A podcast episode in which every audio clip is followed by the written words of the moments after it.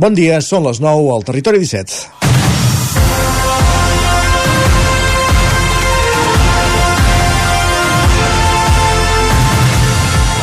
Per alguns, avui encara tercer dia de revolta pagesa, ja que una part dels pagesos que han fet nit a, han fet nit a la capital. La gran majoria, inclosos els de les comarques d'Osona i el Lluçanès, van tornar ahir cap a casa després que una delegació dels pagesos es reunís al Palau de la Generalitat amb el president Pere Aragonès i el conseller d'Acció Climàtica, David Mascort. Entre la delegació dels pagesos, per cert, destacaven dues ripolleses molt actives des de fa molts anys, molts anys en la reivindicació del fet pagès, com són Ima Puigcorbé de les Llosses i Raquel Serrat, ara Serrat, a Caralps. Avui els que es queden a Barcelona desfilaran fins al Parlament per reunir-se amb els grups parlamentaris i tornar cap a casa. Els pagesos s'han fet sentir durant dos dies. Reclamacions recurrents en els darrers anys com l'accés de burocratització, però també la competència que pateixen en productes que provenen de fora de la Unió Europea i no estan sotmesos als mateixos controls, així com els increments de costos de producció derivats del context internacional i la sequera han portat la pagesia catalana a dir prou, seguint l'estela dels seus col·legues alemanys i francesos. Van entrar ahir al Palau de la Generalitat amb una llista de 50 reclamacions i van sortir amb el compromís de continuar-ne parlant. Poc per alguns, mentre que els altres donaven un vot de confiança a un govern que diu sentir-se esclau en alguns casos de les directrius europees i estatals. El que està clar és que l'acció d'ahir a Barcelona, amb milers de tractors bloquejant la ciutat, no té precedents. I si hi ha un sector disposat a tornar-hi, és el pagès. Avui no acaba res. Això tot just comença, ens deia ahir al Territori 17 la Núria, una productora de viram ecològic de Collsospina, que ha exercit sense fre de portaveu de l'Assemblea del 6F a les nostres comarques. Tot plegat continuarà. És dijous 8 de febrer de 2024, dia de revoltes pageses, però avui també és dijous llarder. Avui seran vianants els que ocuparan la plaça Major de Vic cridats pels cuiners del col·lectiu Osona Cuina per començar el cap de setmana de Carnaval amb entrepans de porc i botifarra i propostes durant tot el dia. En parlarem també en un territori 17 que ara comença la sintonia de Ràdio Cardedeu, Ona Codinenca, La Veu de Sant Joan, Ràdio Vic, el 9 FM i ens podeu veure també a través de Twitch, YouTube, Televisió de Cardedeu, el 9 TV i la xarxa més. Territori 17.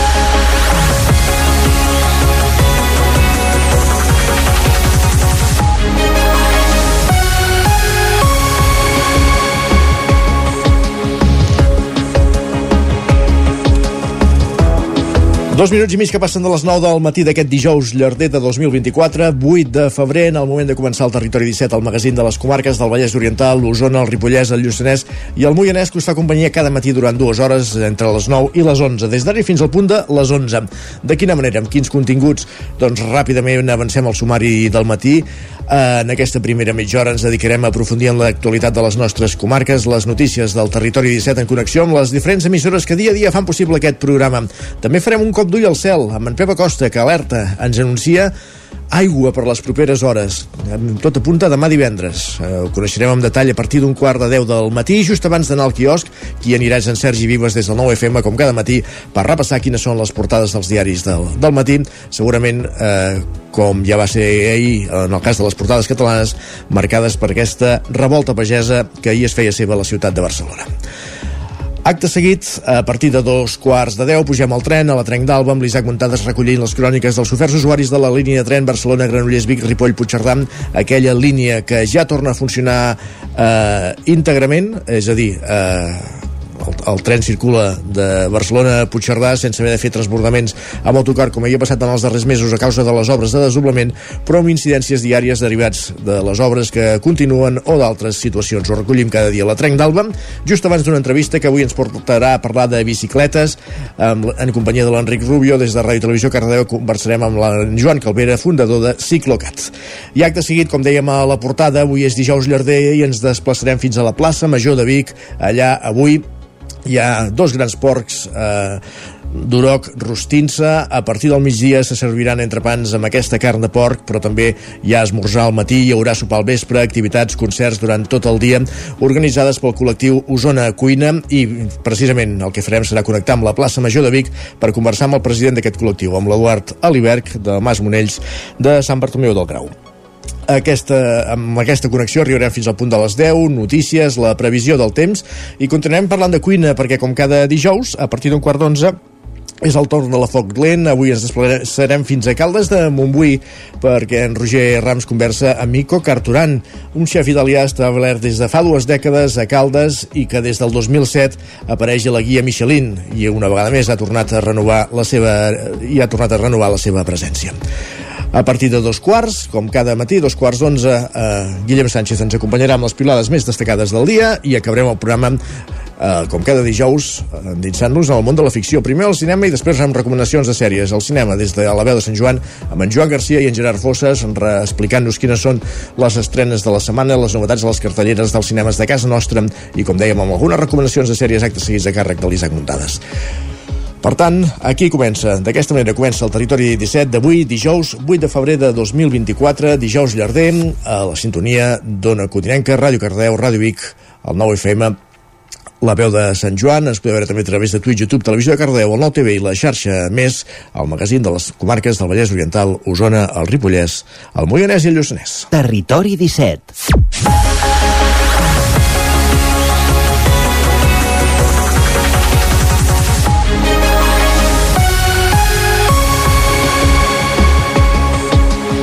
Més, més de 2.000 tractors entren a Barcelona per mostrar l'anuts de la pagesia. Un centenar llarg d'aquests procedien de la columna de la comarca d'Osona que durant 24 hores va tallar la C-17 i l'eix transversal a GURB. El 9FM, Sergi Vives. Així és, tot va començar amb una cinquantena de persones que van fer nit a la C-25 a GURB, on l'eix transversal enllaça amb la C-17, les dues grans carreteres osonenques que van estar tallades en el marc de la revolta pagesa. Agricultors i ramaders exigeixen solucions per garantir el futur del sector. Es queixen de l'accés de la burocràcia gràcia dels baixos preus que els paguen les distribuïdores dels plans de les administracions per afrontar la sequera i també demanen que els, que els governs apostin pel relleu generacional del sector. Una protesta sense precedents que ahir va persistir tota la nit, així ho explicava la Núria Allas, membre de l'Assemblea de Pagesos de la Catalunya Central. Nosaltres hem aguantat aquest tall tota la nit amb una cinquantena de persones i de vehicles eh, que hem estat aquí passant nit esperant els nostres companys que han hagut d'anar a les granges a atendre el bestiar, s'han hagut de coordinar tots els carrils d'emergència, i hem hagut de mirar que les, les persones que havien de passar per diferents motius passessin, eh, hem estat organitzant com seria la sortida d'avui, a les 10 del matí van sortir un centenar de tractors d'Osona i al migdia començaven a entrar a Barcelona per l'avinguda Meridiana. Allà es van trobar amb uns 2.000 pagesos i pageses més de la resta del país. Tots es van dirigir fins a la seu de la Unió Europea, la delegació del govern espanyol i davant del Palau de la Generalitat. Allà alguns representants del sector agrícola català es van reunir amb el president de la Generalitat, Pere Aragonès, i el conseller d'Acció Climàtica, David Mascort. Una reunió de gairebé una hora i mitja on no es va poder entrar al detall de les propostes propostes. És per aquest motiu que les dues parts s'han emplaçat a fer-ho en una reunió abans de 15 dies. I en aquesta trobada amb el president de la Generalitat hi havia dues ramaderes ripolleses en representació del sector primari, són la Raquel Serrat i la Ima Puigcorbé. Isaac Muntades, la veu de Sant Joan. Les protestes de la pagesia de dimarts i dimecres per reivindicar millores en el sector que han col·lapsat les carreteres principals d'arreu de Catalunya van tenir el seu clímax ahir a la tarda a la reunió al Palau de la Generalitat de la plaça Sant Jaume, en què el president de la institució, Pere Aragonès i el conseller d'Acció Climàtica, Alimentació i Agenda Rural, David Mascort, van rebre els representants de les organitzacions agràries i sis representants d'aquest moviment més social. Prèviament, tal com deia la responsable de Dones d'Unió de Pagesos i Medi Rural i Ramadera de Pardina, Raquel Serrat, uns 3.000 tractors van prendre els carrers de Barcelona, dels quals n'hi havia una desena que venien del Ripollès, però de gent encara van venir-n'hi més. Els pagesos van ser rebuts amb aplaudiments per la gent de Barcelona, un fet que, segons Serrat, demostrava que la gent entenia les seves protestes. Els pagesos van portar tres demandes principals principals sobre la taula a solucionar, com deia Serrat. Els tres principals eh, motius de, de la protesta són l'accés de burocràcia que ens veiem sotmesos la pagesia, també l'augment de costos que va començar amb la crisi d'Ucraïna i que disfressat també per, amb aquesta excusa de la crisi d'Ucraïna patim injustament i evidentment la sequera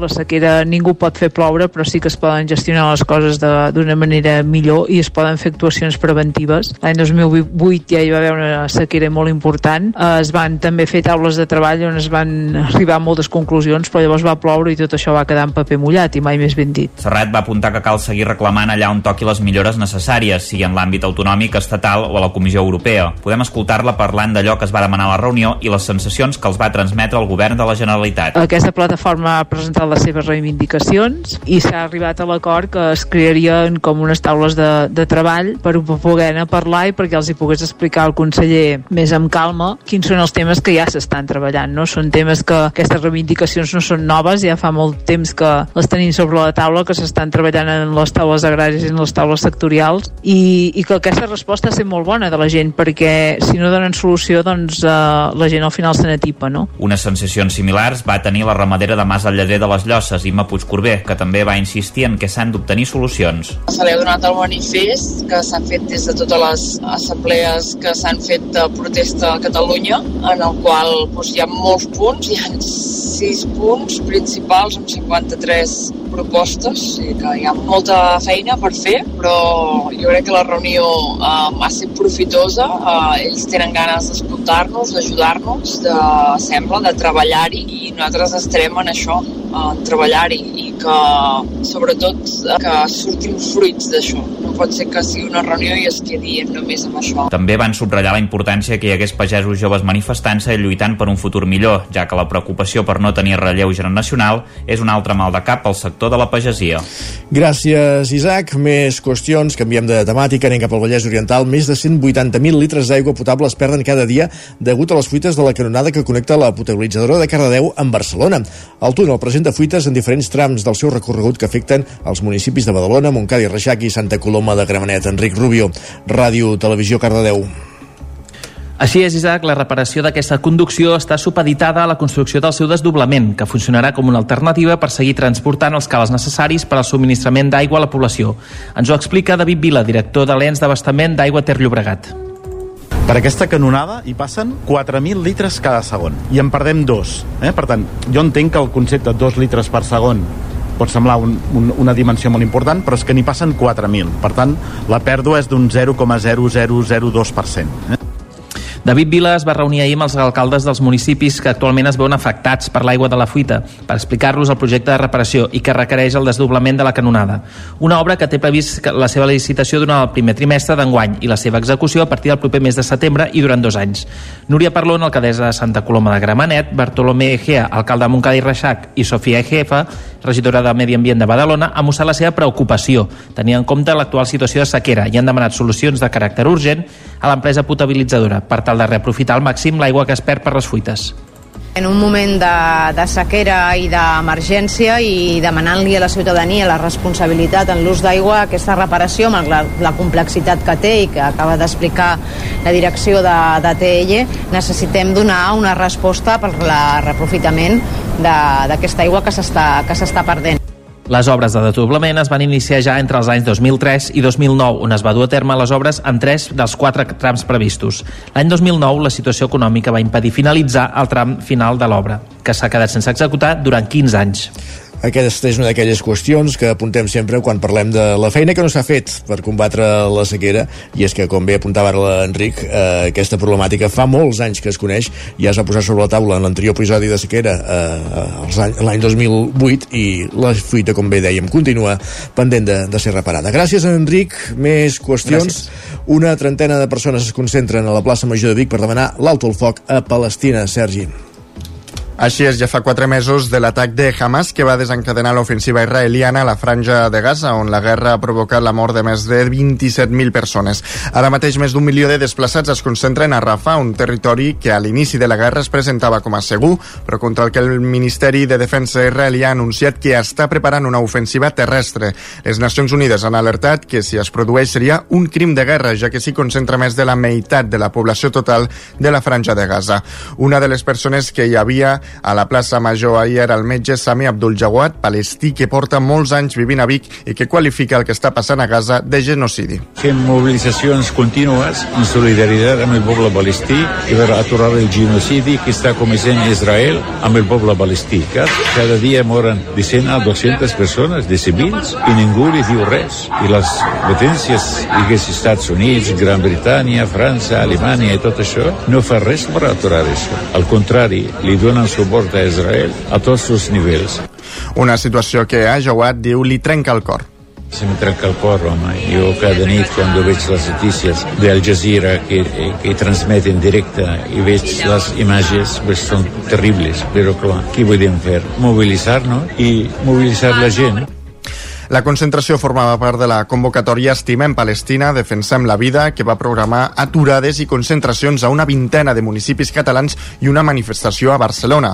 A Vic s'hi va llegir el manifest de la jornada i la trobada va acabar amb un minut de silenci. El proper dimecres, 14 de febrer, es posa en marxa a Vic la Renova, un projecte impulsat per la comunalitat amb l'objectiu de reparar petits electrodomèstics i debatre sobre l'economia circular. És un projecte que impulsen la Fera Ferotge, l'Associació Tapís, l'Associació de Veïns i Veïnes del barri del Remei i l'Ajuntament l'Ajuntament de Vic. La Renova es desenvoluparà a la Reciclària, un espai comunitari de formació, d'ocupació i d'acció veïnal del Remei. L'espai serà totalment gratuït, ja que està subvencionat a través del Departament d'Empresa i Treball de la Generalitat de Catalunya. A banda de la reparació de petits electrodomèstics, la Renova és un espai pensat per a l'autoaprenentatge, ho diu Clara Cussó, tècnica de la Comunalitat de Vic. La idea és que sí que hi haurà unes persones que ajudaran en totes aquestes reparacions i en aquest aprenentatge, però posem molta importància doncs, en aquest aprenentatge, no? en que no vinguis aquí a reparar el teu, el teu electrodomèstic o el teu petit aparell electrònic i te'n vagis sense saber què li estava passant, sinó que aprenguis què li estava passant i com pots fer-ho per arreglar-lo. L'objectiu també és que la Renova esdevingui un espai comunitari per generar debat entorn l'economia circular. I per tant ens agradaria que aquest espai comunitari de la Renova un cop al mes també servís per generar comunitat entorn al debat i la reflexió no, de quines accions o de quines possibles accions hauríem de fer per fer aquesta transició um, doncs, ecosocial justa. La renova funcionarà de forma mensual. Cada se segon dimecres de cada mes, a la tarda i durant dues hores, la reciclària s'obrirà per tots aquells que vulguin reparar algun electrodomèstic. Tot plegat començarà la setmana que ve, el 14 de febrer. Gràcies, Sergi. I el Moianès, l'espai de pensament crític i creació contemporània a cobert, celebra aquest divendres la segona edició del Festival Audiovisual Jove de Moià. Roger Ram, zona codinenca. Sí, exacte. Es tracta d'una iniciativa conjunta amb l'Institut Moianès i el suport de l'Ajuntament de Moià que busca fomentar la creativitat mitjançant les arts audiovisuals entre els alumnes de quart d'ESO. Nerea Campo, una de les creadores de Cobert, explica com treballen amb els alumnes treballem amb l'alumnat de l'institut en diverses fases. Una primera fase, diguem-ne, que fem una introducció als llenguatges audiovisuals a partir de, de referents artístics i la segona fase del projecte és que l'alumnat per grups crea un curtmetratge aquest divendres, com dèiem, a les 5 de la tarda a l'Espai Cultural Les Feixes de la capital del Moianès es farà l'acte final d'aquest projecte amb la representació dels diferents curtmetratges fets pels alumnes. L'edició d'enguany, la segona d'aquest projecte, és la representació i el retrat. Enguany la temàtica és la representació i le, el retrat i l'autorretrat, no? digital. Llavors, enguany ens hem eh, convidat a fer un retrat audiovisual d'una persona del poble o una persona un esport, eh, un comerç, alguna cosa que fos representativa del poble per ells. Iniciatives com aquesta permeten fomentar les arts i la creativitat entre un alumnat que sovint està orfe de referents artístics en el sistema educatiu actual, com apunta Nerea Campo. Perquè és un institut en el qual no hi ha un batxillerat artístic i per tot, per tant el que ens trobem és que els referents diguem artístics eh, que han treballat els joves fins ara són els que veiem a la televisió, són els que veiem a xarxes socials, però no són referents artístics, són llenguatges audiovisuals, diguem-ne, més eh, de, de cultura de masses, no? El resultat dels treballs d'enguany han tingut una varietat de curtmetratges molt heterogenis a causa de la temàtica seleccionada, ja que permetia als alumnes explorar diverses possibilitats a l'hora d'elaborar el seu treball.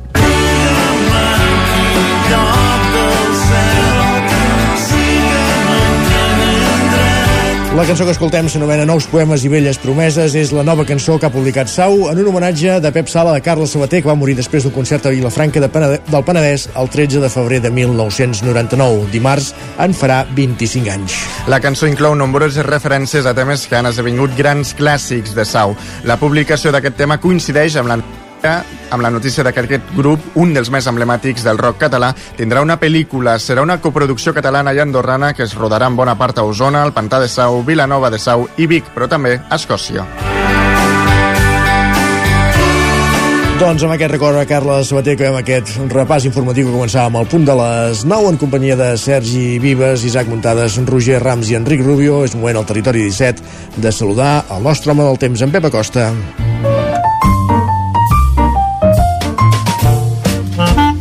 Casa Terradellos us ofereix el temps. Diu que plourà, Pep. Bon dia. Hola, molt bon dia. Com estàs? Què tal, com esteu? Va avançant la setmana, ens acostem ja al cap de setmana i atenció perquè per fi, mica en mica, l'anticicló es va desinflant, es va retirant i eh, mica en mica ens poden afectar més i més pertorbacions. Aviam, aviam si tenim sort i ens deixen forces litres aquestes pertorbacions que ens poden anar creuant. Aquesta nit, per això, eh, novament, molt poc freda, no hi ha manera, eh, no, no glaça, no fa fred, poder ha glaçat eh, a un 2 o un 3% del territori de les nostres comarques, o menys, i ja veieu el poc que ha glaçat, i mínimes per sobre dels 5, 6, 7 graus cap al prelitoral, molt altes aquestes mínimes, eh, novament, eh, tenim aquest anticicló que durant 3 setmanes ens ha deixat un temps molt estable i molt més càlid del que tocaria, eh? eh vull dir que Déu-n'hi-do, déu quines 3 setmanes ens ha deixat aquest anticicló, quines 3 setmanes eh, més nefastes pel que fa al temps. Avui, eh, canvi d'inèrcia, un canvi d'inèrcia, un canvi de situació, les peces es van bellugant i ja està entrant un front per la península ibèrica, una pertorbació per l'oest, ja està deixant pluges eh, cap a Galícia i zones pròximes, i aquest front, mica a mica, ens afectarà. Cada vegada més núvols, eh, amb núvols alts que només encanyinen el cel, però cada vegada es faran més espessos aquests núvols. I no es descarta a última hora del dia quatre gotes, quatre gotes cap a la zona del Pirineu. Cota neu, 1.800-1.900 metres, però serà, si acaba plovent avui, serà del tot testimonial, molt poca eh, cosa. També destacar, de cara a la tarda, el vent es reforçarà, sobretot a les zones més altes, es notarà eh, que l'anticicló marxa i que tot es remou una mica, i el vent serà bastant eh, fort, sobretot, com deia, les zones altes, el transversal del Montseny i del Pirineu aquesta tarda, cops de Santa, 80 km per hora, un vent força destacat. Si els mapes no enganyen, que veurem què va passant, a partir de demà pot ploure, plourà poc, no farà... no solucionarà sequera ni de conya, però bueno, almenys mullarà una mica els boscos, la vegetació la mullarà una mica i segur que estarà molt, molt agraïda la vegetació. I això és tot, eh? Recordeu, avui, eh, mica en mica, es va, es va desfent aquest anticicló, es va apartant i podem tenir eh, uns dies de canvis de temps, de perturbacions atlàntiques que ens anem creuant, que en principi no deixarà molta precipitació, però per fi s'engega un període de canvis més constants, de renovació de l'aire i de possibilitat de precipitacions. Moltes gràcies, adeu. Gràcies a tu, Pep. Parlem d'aquí una estoneta. I ara el que fem és anar cap al quiosc. Casa Tarradellas us ha ofert aquest espai. Perquè el que volem és saber, Sergi Vives, Quines són les portades dels diaris del matí? Entenem que per segon dia consecutiu marcades per aquesta revolta pagesa. Així és. De fet, totes les portades, menys al País, tenen fotografies dels tractors pel mig de Barcelona. És que el, el País va en consonància amb el secretari general de Comissions Obreres que va dir que els pagesos no són treballadors, que són empresaris ah. i que per això no se'ls dona suport. Molt bé. Som-hi. Fantàstic. Doncs mira, el punt avui qualifica com a històrica la protesta pagesa que ha omplert Barcelona amb més de 2.000 tractors. Diuen que el govern obre la interlocució amb, els, amb les assemblees de pagesos i la resta d'entitats agràries per buscar solucions a les reivindicacions del sector. El periòdico diu que l'atipament rural i Roma a Barcelona, diuen que els agricultors agiten la protesta i es reuneixen amb Aragonès, que els emplaça a una altra reunió. La Vanguardia també eh, diu que la protesta dels pagesos col·lapsa a Barcelona amb 2.000 tractors. Expliquen que les associacions d'agricultors s'afegiran a les mobilitzacions. Tot i això també diuen que Netanyahu rebutja la treva de Hamas i avisa que busca la victòria total. Expliquen que el primer ministre israelià anuncia que continuarà la pressió militar fins al final i torna a evidenciar la poca influència dels Estats Units a la crisi actual. Lara diu que els pagesos ocupen Barcelona, diuen que Aragonès rep la protesta a la Generalitat i promet més diàleg als mobilitzats. I per altra banda diuen que Sánchez proposa reforçar la llei de la cadena alimentària. També destaquen el judici de Dani Alves. Eh, Alves reitera que el sexe va ser consentit i la fiscal veu la víctima totalment creïble. El país diu que la protesta del camp entra a Barcelona i arriba a 10 autonomies. Expliquen que el govern promet reforçar el control de la cadena alimentària. L'ABC diu que el fiscal rebutja imputar Rajoy per la clara finalitat política de la querella. Suposa la investigació orquestrada per associacions independentistes des d'Andorra contra l'expresident en l'anomenada Operació Catalunya. El Mundo diu que la revolta del camp amenaça les ciutats sense interlocució amb el govern. Expliquen que els centenars de tractors ocupen eh, al centre de Barcelona mentre la plataforma 6F marca com a objectiu Ferraz. Diuen que hi ha hagut 12 detinguts i més de 2.500 identificats en el segon dia de protestes massives dels agricultors. I acabarem aquest repàs express de les portades amb la Razón, que diu que la crisi dels fiscals debilita Sánchez davant Brussel·les. Expliquen que el, desan, el, el, el desacord judicial descol·loca a Moncloa en la negociació que té oberta amb Reinders. Diuen que el PP veu una oportunitat per no cedir res en el poder judicial sota la pressió de la rebel·lió de les togues. Perfectíssim, gràcies Sergi. Repassem ara digitals, l'edició del 99.cat d'Osona, el Ripollès, el Lluçanès i el Moianès. Doncs ens quedem a Osona perquè avui la plaça Major de Vic celebra durant tot el dia el dijous llarg. Eh? En parlarem i anirem d'aquí una estona, conversarem amb el president d'Osona Cuina, Eduard Aliberg, i a l'edició del Vallès Oriental i el Moianès. Doncs destaquen aquests retards d'una hora a la R2 després que uns vàndals hagin apedregat trens entre Montcada i Sant Andreu. Doncs queda tot recollit. Gràcies, Sergi. A tu. Nosaltres el que fem tot seguit és una petita pausa, però tornem de seguida amb el territori 17. Uh, com dèiem, primer tot pujant al tren, després parlant de bicicletes amb en Joan Calvera de Ciclocat i acabarem el, aquesta uh, primera hora uh, anant fins a la plaça Major de Vic on avui s'hi celebra el dijous llarder. El nou FM, la ràdio de casa, al 92.8. Menja ràpid, menja fàcil, el trinxat de les Cerdanyes diu Carlit. Mmm, boníssim! Trinxat Carlit, 100% natural, fet cada dia a Puigcerdà i a punt en un minut. Encara et preguntes què t'emportaràs a la feina o a la uni per dinar? El trinxat de les Cerdanyes diu Carlit. Cobertes serveis funeraris. Els nostres tanatoris estan ubicats en els nuclis urbans més poblats de la comarca d'Osona per oferir un millor servei. Tanatori de Vic, Tanatori de Manlleu, Tanatori de Centelles i Tanatori de Roda de Ter. Sabem que són moments difícils i per això el nostre compromís és atendre-us en tot moment amb un tracte humà, sensible i respectuós. Cobertes serveis funeraris. Telèfon 24 hores 93 883 23 46. El nou FM, la ràdio de casa, al 92.8. Dos minuts perquè siguin dos quarts de 10 del matí. Avui és dijous llarder, però no per això hem d'oblidar que Catalunya està en emergència per sequera. Després de 3 anys sense pluges, les reserves dels embassaments i aqüífers han anat baixant progressivament, passant del 80% fins al 16% actual. Pots consultar les restriccions del teu municipi al visor de la sequera, entrant a sequera.gencat.cat. A més, recorda que pots contribuir a l'estalvi d'aigua amb molts petits gestos, com tancar la xenta mentre trentes les dents, prioritzar la dutxa en comptes de la banyera, no fer servir el vàter com si fos una paperera o posar la rentadora només quan és plena. Estalviar aigua és urgent, és un missatge de la Generalitat de Catalunya. Continuem, avancem amb el Territori 17. El nou FM.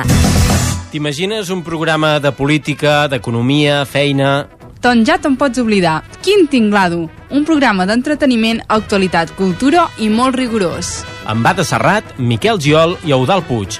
Un programa que no passarà a la història i que tampoc guanyarà cap ondes. No ens flipem. Escolta'l cada dijous en directe de 8 a 9 del vespre al 9 FM. Ai, ai, ai, quin tinglado! Cocodril Club. Si t'agrada la bona música dels anys 60, 70 i 80, escolta el 9 FM als matins de dissabtes i diumenges d'11 a 1.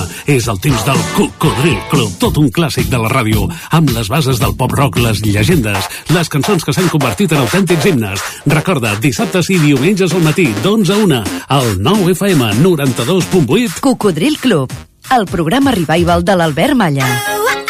Hasta luego, cocodrilo. El 9 FM, la ràdio de casa, al 92.8.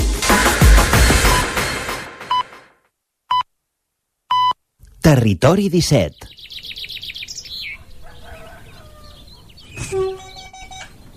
A Tren d'Alba. Cada dia els usuaris i usuàries de la línia R3 de Rodalies que veuen sortir el sol des d'un vagó ens expliquen les gràcies i les penes del primer comboi que uneix Ripoll i Barcelona o les feixugues jornades amb el tren després de treballar. Benvinguts a Tren d'Alba. Fa unes hores els companys del col·lectiu Perquè no ens fotin el tren feien una piulada X on denunciaven que els quatre primers dies després de la represa del servei arran del tall a l'R3, els trens estaven allargant el trajecte més de mitja hora. Curiós, tenint en compte que les obres normalment es fan per millorar els serveis. Demanaven si hi havia algú al comandament a distància o ningú se n'ocupava. Avui en podrem escoltar una de les víctimes d'aquest retard, la Cristina Sunyent, que juntament amb els seus alumnes de l'Institut Escola Carles Capdevila d'Hostalets de Balanyà havien d'agafar el tren per anar de colònies. I premi, van arribar tard. Bé, bon dia a tothom. Jo sóc la Cris Sunyent, professora de, de Socials a l'Institut Escola Carles Capdevila, i avui res, marxàvem de colònies a, a la Vall de Núria des d'Hostalets de Balanyà, és del nostre municipi d'origen, i la idea doncs era agafar la Renfe, agafar la R3 a Hostalets, amb un tren que sortia a un quart de nou del matí.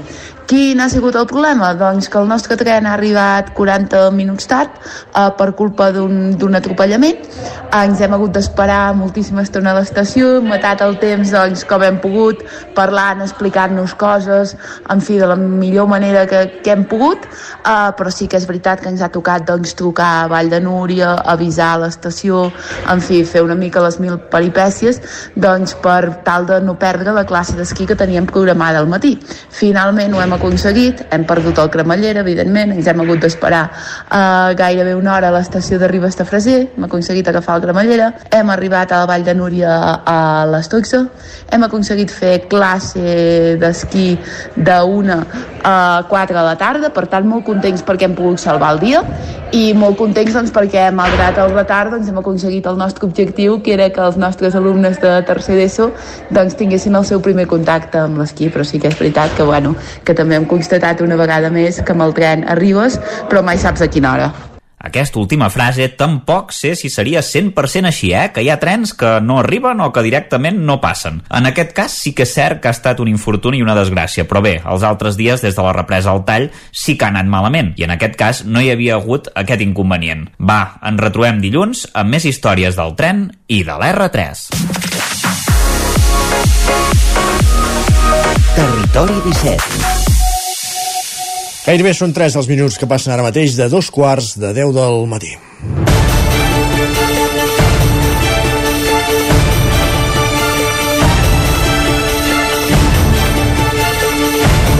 Comencem a entrar a l'època del calendari de pedalades, marxes i curses ciclistes.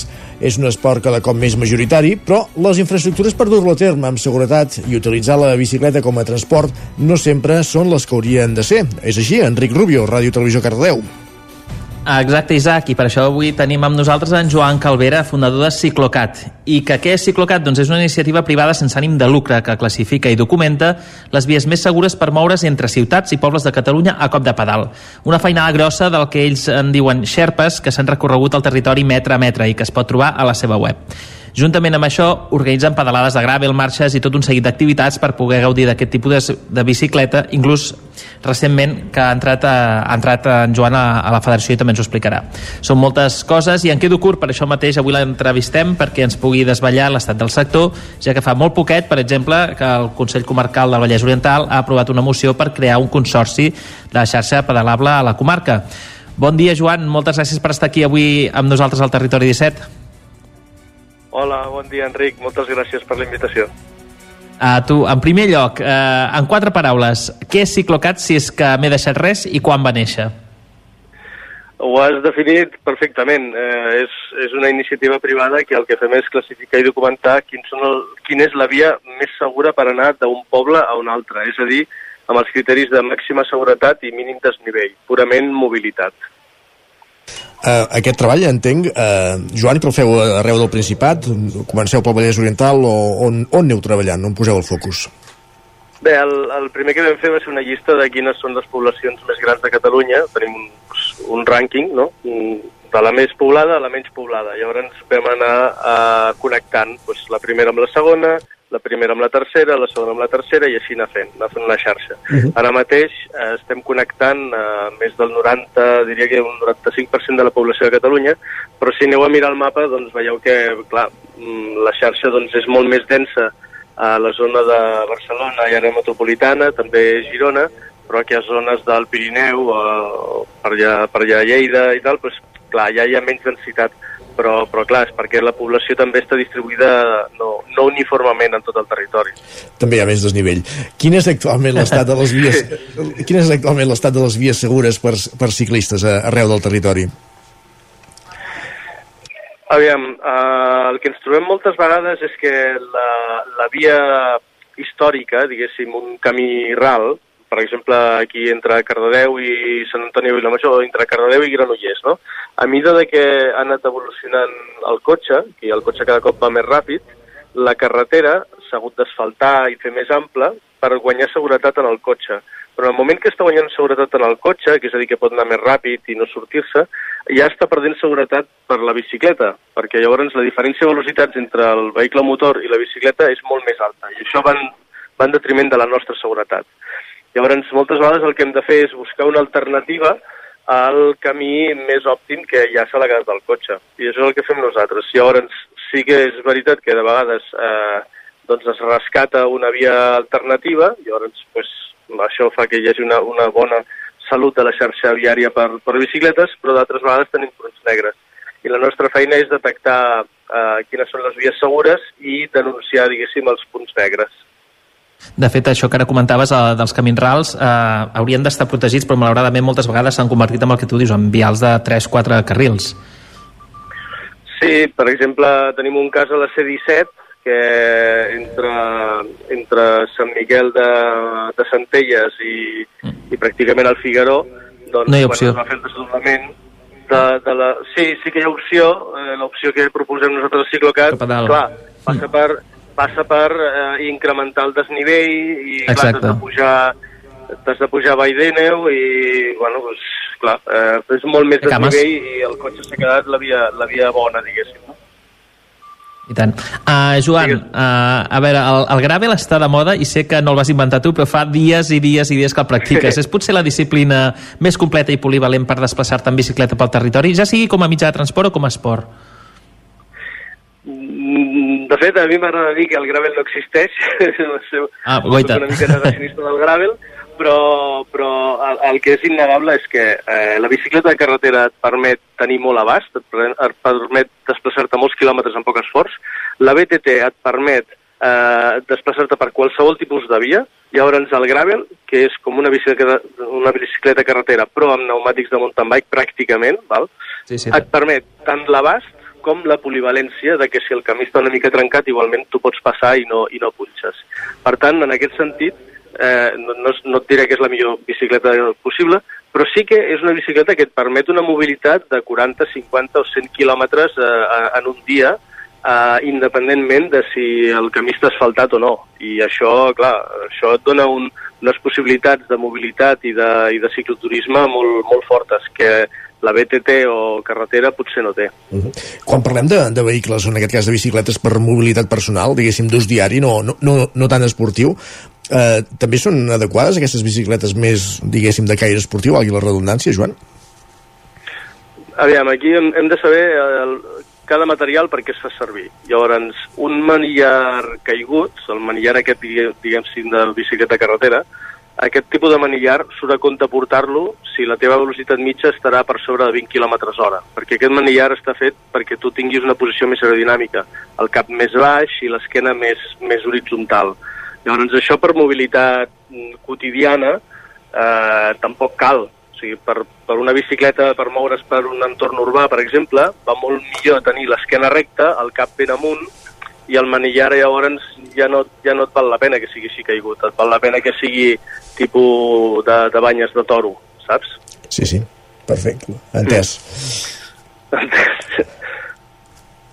És, uh, és pionera la feina que esteu, que esteu duent a terme uh, a nivell de documentació de, de vies segures perquè realment la, la xarxa que esteu complementant és, si, si la gent entra a web veureu que és espectacular i està molt ben categoritzada per, per dificultats i per, i per Mm. perills fins ara no s'havia fet realment no? una cosa tan extensa o, o com a mínim no, no ha estat tan no, visible No, fins, fins ara no, però aviam, eh, sí que existeixen iniciatives similars a Europa. Ens vam fixar molt amb, amb la xarxa que hi ha a Bèlgica i a Holanda, que és una xarxa nodal, que ja estava implementada amb un sistema informàtic. També les xarxes que hi ha a Baviera o a Itàlia o fins i tot a França.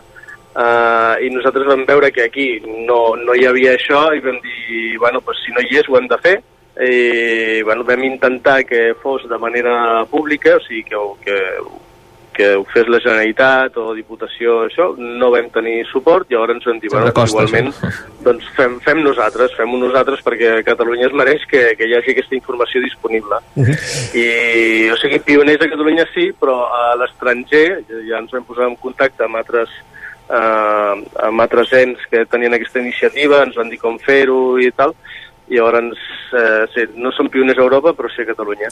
Estic fent l'exercici que ens demana l'Enric, que és entrar al vostre web, i ja m'he quedat clavat al, al mapa, on veig molts colors, on veig molta, mol, molts camins ja marcats. Uh, aquí a les nostres comarques veig que predomina molt el color blau. Distingiu amb quatre colors, entenc, en funció dels, del desnivell, verd, blau, vermell Cinc. i negre, i groc, cinc colors. Uh, Sí, cinc colors. I una mica és això. Què són aquests colors? No? Exacte. Aquests colors, doncs mira, és com les pistes d'esquí, diguéssim, no? del verd al negre, i després hi ha el groc, que ja en parlarem. El verd és que és eh, completament eh, segregat de vehicles a motor i que és pla. I llavors pots anar amb un nen petit o pots portar una cadireta darrere o són, són trams molt segurs i amb molt poc desnivell. En, en tot el tram em veig un, un tram a Manlleu, en tota la, la nostra zona, eh? diria ara mateix, de verd. No malament, per- Isaac. Exacte. Sí, anem. sí, sí, El- el- però no només, no només és que sigui verd, sinó que a més tingui realment una utilitat perquè està connectant realment dos poblacions. D'acord. O sigui, si tenim un tram verd que està enmig del no-res, Sí. no? una, una via verda que Ah, esclar, ja, ja, ja, un... aquest, aquest tram verd és el tram de la, de la, del, G- ai, de, sí, del camí vora ter entre les masies de Voltregà, entre la Gleva i Manlleu. Per tant, sí, ja, ara entenc la... Eh, S'adequa al color verd, pel que em deies, correctament, sí, sí. Uh, exacte, ja has passat, el coneixes, oi? Sí, tant. Val, val, perfecte. A- perfecte. Ara, com I et deia, el- el que més predomina és el blau sí. aquí a casa nostra, eh? Sí, perquè el Vallès, eh, sobretot el Vallès Oriental, doncs, eh, té poca densitat de població i llavors quan hi ha un camí doncs, hi ha poca probabilitat de que et, posi, de que et trobis un, un vehicle eh, a motor. En, en cas que te'l trobis, doncs anirà a 30 o anirà a velocitat baixa perquè doncs, la via doncs, no és molt ampla ni, ni, ni està molt llisa i això redueix molt la, la probabilitat d'accident. I, I a més és que clar, hi ha molts nuclis mitjans i petits distribuïts, per tant es pot fer una xarxa. Per això trobes tants, tants camins de color blau Mhm. aquí. A més, perquè tampoc ens val la pena ficar les carreteres, que ja serien color vermell i negre, perquè fàcilment trobem alternatives en blau. Per tant, en blau ja ho podem resoldre gairebé tot. Vermell, pel que ens escoltin des d'Osona, eh, veig que teniu marcat tot el que és el tram eh, de la C-17 i, i l'eix transversal, el que serien els laterals, entenc. Mm, la- l'eix transversal no està ben bé posat, eh? D'acord. Eh, deu ser una carretera que va pel costat i la Possiblement. C-17 eh, depèn de quin tram. O, o potser és no, més aviat deu ser l'antiga nacional de, de, de Vic, sí, sí, ja ho entenc. A l'antiga nacional sí, clar. Eh, clar, eh, aquesta sí que és en vermell. Sí, també pel, pel pendent pot ser, o perquè el vehicle que va per allà, doncs, encara que n'hi hagi pocs, anirà a una velocitat més elevada. Mm. I la negra també veig que són compartides en vehicles, veig per exemple la travessera urbana Roda de Ter, per dir alguna cosa, i, Sí, i aquí sí. hi ha desnivells també, o, o per què és negra? Aquí segurament és per, eh, per la, la IMD, no? la, la intensitat diària mitjana de, de vehicles. Són, són vies amb, amb, amb més intensitat de trànsit i que hem intentat buscar una alternativa blava o verda o vermella i al final no. havia de ser per aquí perquè les demés alternatives ja o, o se'n van molt de quilometratge o, o acumulen molt desnivell. Sí. I llavors ens posaves a part el groc, i aquí veig, per exemple, la carretera que baixa al Pantà de Sau. Què té el groc? El groc és, uh, perquè arriba un punt que ja dius, bueno, si vull anar d'A a B, uh, no puc triar mínim desnivell màxima seguretat. Haig de sacrificar o bé desnivell o bé seguretat. Llavors, si tu tries el negre, estàs sacrificant seguretat. Faràs menys desnivell, però trobaràs més cotxes. Però si tries el groc, eh, tu valores més la seguretat llavors sacrifiques el desnivell. Llavors, eh, aquest tram groc eh, o bé té més desnivell o bé el ferm està molt més trencat o no té manteniment o està ja al, al límit de la ciclabilitat. El color groc... Intentarem optar- optar pel groc. Has de... Sí, el, el tram groc pot ser que hagis de desmuntar algun moment, que hagis de fer 100 metres a peu, per exemple, perquè el terreny està molt trencat. Ja ens agrada, ja ens agrada això, Joan. Va, I ara sí que, eh, abans d'acabar, sí que volia parlar un xic de, de marxes pedalades eh, perquè n'organitzes un munt. Per exemple, 16 de març, eh, ja a la volta de cantonada, munteu la Ladies and Gentlemen, ni més ni menys que sí. Barcelona, Cardedeu, Girona, pels que ens esteu escoltant. La llarga de Barcelona a Girona de 147 quilòmetres i 1.900 de desnivell. I alerta que la curta, que no sé si serveix aquesta paraula aquí, i és que és de 109 quilòmetres i 1.700 metres. S'està convertint en una mítica al calendari ja? Sí, de fet és la, és la marxa gravel més antiga que es fa a la península Ibèrica i a més ininterrompudament perquè durant el Covid eh, la vam fer el, el gener del, del 20, no, del 22, que va ser la pandèmia, o sigui, encara no havia vingut la pandèmia, i l'any següent la vam fer el juny amb, amb mesures de seguretat, per tant, cada any l'hem pogut fer, i és una marxa, doncs això, eh, històrica. A més, el recorregut és molt xulo i sempre passem per Cardedeu, perquè, perquè bé, està, de fet està a mig del camí, no? Sí. Uh, val a dir que, clar, aquest projecte, que el vam intentar finançar de manera uh, pública i després vam intentar fer-ho de manera privada, doncs no funcionava, llavors les marxes, amb la inscripció de les marxes és com podem finançar aquest projecte. Uh -huh. Digues, Enric. No, anava a comentar que ara comentava allò de Cardedeu i és que mm, també a Cardedeu tenim la, la Gravel Trophy, que es diu, i és que Sí, mm, aquesta serà aquí en, aquest, en aquesta població i només de 50 quilòmetres. Aquí eh, t'emplaço jo, Isaac, a veure si t'apuntes i ens preparem, que encara tenim uns dos o tres Sí. mesets, oi que sí? Dos o tres mesos, mira, encara, encara és factible. Exacte. És que, sí, la Ladies and Gentlemen, clar, com- comunica Barcelona i Girona i, clar, no podem apropar les dues ciutats. Estan físicament en un lloc i la distància és la que és Mhm. i com a molt podem fer una curta, que entre cometes curtes ja són 110 quilòmetres, i, però, bueno, però hi ha gent que necessita fer aquests 100 perquè per menys de 100 quilòmetres no, No surt, no surt carai. de casa. Carai. Llavors, eh, el, però nosaltres sempre el que volem és eh, fomentar la base, o sigui, gent que tot just ara fa poc que està agafant la bici o que l'agafa menys, llavors eh, la Gravel Trophy, ja la portem com tres edicions, la fem a Cardedeu, sempre fem un recorregut que intenta connectar el màxim de poblacions del Vallès Oriental eh, amb 50 quilòmetres i després un altre doncs, de 100 quilòmetres que ja se'n va al Vallès Occidental o que puja una mica de desnivell pels que són una mica més matxaques i volen fer doncs, 100 quilòmetres perquè si no, no, no els donen els números. Però la de 50 és molt recomanable, està a l'abast de molta gent, s'ha de tenir GPS, això sí, s'ha de portar un, un GPS perquè el recorregut no està marcat, va tot en track, perquè ja veureu que a Ciclocat, el mapa que hi ha, la gràcia està en que tu pots editar un, un, un recorregut i baixar-te el track. Val? Nosaltres Sí, sí. no estem autoritzats a senyalitzar camins, perquè som una iniciativa privada, no podem posar cartellets. Val? És un acte vandàlic. Però eh, per això hem desenvolupat el nostre propi software, a la Guineu, Uh -huh. que ens permet eh, editar el track i te'l pots baixar, llavors el pots seguir amb un GPS. Si no tens GPS es pot seguir amb un mòbil també, però sempre recomanem no seguir-ho amb el mòbil perquè en cas d'emergència has de tenir sempre bateria. Val? Doncs queda aclarit. Joan Calvera, fundador de Ciclocat, gràcies avui per ser al Territori 17 parlant de, de bicicletes i que vagi molt bé totes aquestes iniciatives que us aneu proposant. Doncs molt bé, moltes gràcies a vosaltres. Bon dia, gràcies Enric també un matí més per acompanyar-nos Bon aquí a l'antena del programa. Fins ara. A tu, fins aviat.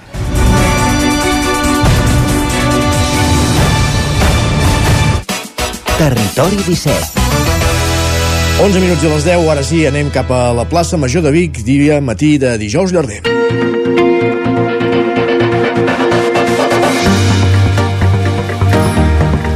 Per anar en bicicleta, tal com explicàvem, com parlàvem ara, cal agafar forces i una bona manera d'agafar forces és, evidentment, menjant. Eh, avui eh, la plaça Major de Vic es vesteix de llarg, des d'ahir que hi ha enrostint-se dos ports al mig de la plaça. Al migdia es podrà degustar la carn d'aquests ports amb els entrepans que es vendran a l'hora de dinar, però també des de fa pràcticament una hora, més d'una hora, també ja s'estan servint esmorzars, també hi haurà sopars i moltes activitats durant tot el dia per, per celebrar aquesta festa que dona l'entrada al Carnaval i que a Osona, a Vic, organitza el col·lectiu Osona Cuina. Anem a la plaça Major de Vic perquè ens escolta ja el president d'Osona Cuina, l'Eduard Aliberg. Benvingut, Eduard, bon dia. Hola, bon dia, em sentiu bé? Perfectament. Molt bé. Uh, quin ambient hi ha ara mateix a la plaça? Fes-nos, va, de testimoni, què, què està passant ara? Bueno, home, de moment hi ha molta, molta gent a esmorzar, ja comencen a venir escoles, també com cada any, i ara s'està fent el concurs de truites i realment que hi ha molta expectació i veig que, que hi ha molta gent, sí, sí. Un concurs de truites amb tres jurats de- d'excepció, com són la Maria Nicolau, el Lluc Cruselles i la iaia Angeleta. Què, què hi està passant ara mateix? Quina, quantes truites s'hi han presentat? Uh, si no m'equivoco, em sembla que sis participants, com cada any, uh, fem un màxim de sis, i llavors ara estan elaborant les truites, el jurat, el jurat està mirant uh, com les elaboren i, i res, suposo que un cop estiguin fetes, doncs, a donar el verdicte, aviam quina és la més bona i, i qui guanyarà. Tu que ets cuiner i tenen traç a l'hora de fer truites aquests sis concursants o no? Sí, sí, sí. Tots els que es presenten normalment realment sorprenen molt, la veritat. Molt bé. Uh, avui és la festa de la gastronomia, lligada al dijous llarder, al porc. Uh, com dèiem, esteu servint entrepans des de, des de la quarts de nou de, del matí, però hi haurà àpats uh, durant tot el dia. Esmorzars al matí, uh, dinars al migdia, uh, sopar al vespre. Quina és la Sí. previsió, diguéssim? Quanta, quants entrepans teniu preparats, previstos? Nor normalment eh, solem fer una previsió rere any comparat amb l'any passat, l'any passat devíem fer devíem servir sobre les 3.000 persones més o menys aquest any estem més o menys igual, el que passa que també hem introduït eh, el menjar a domicili a través d'una empresa eh, Passo de Cuinar i llavors eh, eh, hem previst que probablement n'hi hagi més. Eh, abans deies dos porcs, són tres porcs que tenim. D'acord. Que aquest sí que el servim a l'hora de dinar i llavors ara res, durant tot el matí fem esmorzar eh, entre pans de botifarra, botifarra negra, botifarra blanca, arengades, també de cansalada, i llavors al migdia afegim l'entrepà de porc i l'escola d'hostaleria eh, també ens ajuda i fem un entrepà de, de canelons. Molt Al vespre també seguim la mateixa oferta, més o menys. Eh, el que sí que introduïm és una costella de porc, cuita a baixa temperatura i feta a la brasa, i llavors la botifarra, en lloc de ser normal, és botifarra amb, amb tòfona. I el brioix de polet porc, també? En I el brioix de polet porc, sí, correcte, perdona.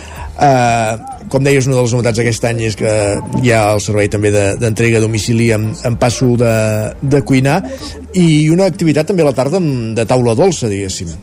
Sí, que també correcte. participa a la festa, eh?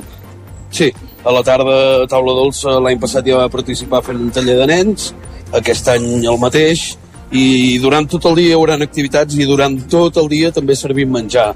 És dir, l'any passat vam parar a la tarda pel taller i, i això, i aquest any no para, la cuina no para i tothom pot agafar un entrepà a l'hora que més li convingui i sobretot ho vam muntar d'aquesta manera perquè a l'hora de sopar se'ns va acumular molta gent i mirarem de que aquest any doncs, la gent pugui, pugui venir abans i, i pugui menjar quan, quan vulgui.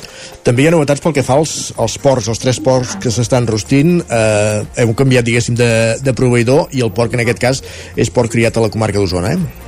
Sí, correcte, 100% de la comarca d'Osona, és un port d'Uroc i criat aquí, i llavors bueno, vam arribar a un acord amb un proveïdor nou eh, sota la marca Orgull Pagès, que és la marca que tenen, i llavors són uns ports que realment fan molt bona pinta i, i n'estic molt content d'haver-ho introduït perquè, perquè bueno, prometen. Com és la cocció d'aquests porcs així a la brasa? Perquè si estan hores, dèiem que els heu posar ahir al vespre, han estat eh, tra treballant tota la nit, llavors què s'aconsegueix amb, amb aquesta brasa, amb aquesta carn? A veure, aquests porcs estan penjats a les 7 de la tarda d'ahir, més o menys, quarts de 8, eh, i llavors durant tota la nit es couen a poc a poc, simplement perquè perquè suïn, perquè s'escalfin per dins i es vagin fent a poc a poc i llavors a partir del matí jo avui m'he llevat a les 5 i mitja del matí a dos quarts de sis, llavors he vingut cap aquí i, i després sí que ja carreguem la brasa de llenya i realment el rostim eh, durant tot el matí i a partir més o menys allà pels vols de les 12 ja estaran cuits. Ara estan bastant bé, vull dir, no li queden massa, però, però, però bé, molt bé, la veritat que és el plat estrella i és realment el que la gent es mira més a la plaça i, i molt bé, la veritat que molt bé. Aquesta és la gran activitat del col·lectiu Una Cuina al llarg de, de l'any. Quanta gent mobilitza? I llavors no sé si ho compatibilitzeu aquesta activitat amb els vostres restaurants o avui baixeu la persiana als restaurants. Com, com funciona tot plegat a nivell organitzatiu? Bueno, això dels restaurants cadascú eh, ho intenta fer una mica com pot, no? Jo, per exemple, el meu restaurant tinc obert, eh, el personal que tinc doncs s'encarrega de fer la feina i jo sí que estic tot el dia aquí a la plaça, llavors altres restaurants opten per tancar i altres restaurants tenen obert. Vull dir, cadascú s'ho combina s'ho combina com vol. Llavors, aquí a la plaça, eh, bueno, contem amb l'ajuda de l'Escola Hostaleria d'Osona, que fa una feina increïble i realment ens ajuda molt i sense ells no faríem el dijous llarder i llavors també juntament amb el col·lectiu de taula dolça doncs, bueno, crec, crec que, que tots tres formem un gran equip i, i podem fer un dijous llarder per, per recordar sempre, no? Perquè any rere any intentem superar-nos. El dijous llarder forma part de l'imaginari popular, a tots ens ve al cap aquella cançó del dijous llarder Botifarra menjaré, i avui el que voleu posar a prova és a, a tres persones, tres cares re, re, eh, conegudes d'aquí la comarca, també amb un nou concurs, perquè per veure què, què en saben exactament del dijous llarder. Aquesta és una de les novetats també d'aquesta edició. Sí, correcte. Bueno, més que res aquest concurs el vam fer perquè per donar una mica com animar una mica la gent que realment conegui més el dijous llarder i portar tres personatges de la comarca que responguin preguntes, que interactuïn amb el públic. I tot això crec que, que, bueno, que, que ens servirà doncs, de fer una activitat més i, i que la gent estigui atenta i que no només sigui venir aquí a menjar sinó també a gaudir de les diferents activitats que es fan. Parlaves d'activitats, la, la jornada, la nit acabarà també amb, amb música, que ja ho vam fer l'any passat, que a l'entorn del sopar doncs també hi ha amenització musical amb qui i amb, bueno, i amb, quina, una mica, amb quina finalitat, no? També entenc de, de, de donar més alternatives, més ambient a la plaça. Sí, correcte, i a més aquest any hem intentat buscar un grup eh, que porti una mica de, una mica de marxa i que, i que realment bueno, la gent estigui molt animada i, i que a l'hora de sopar també puguin disfrutar de bona música.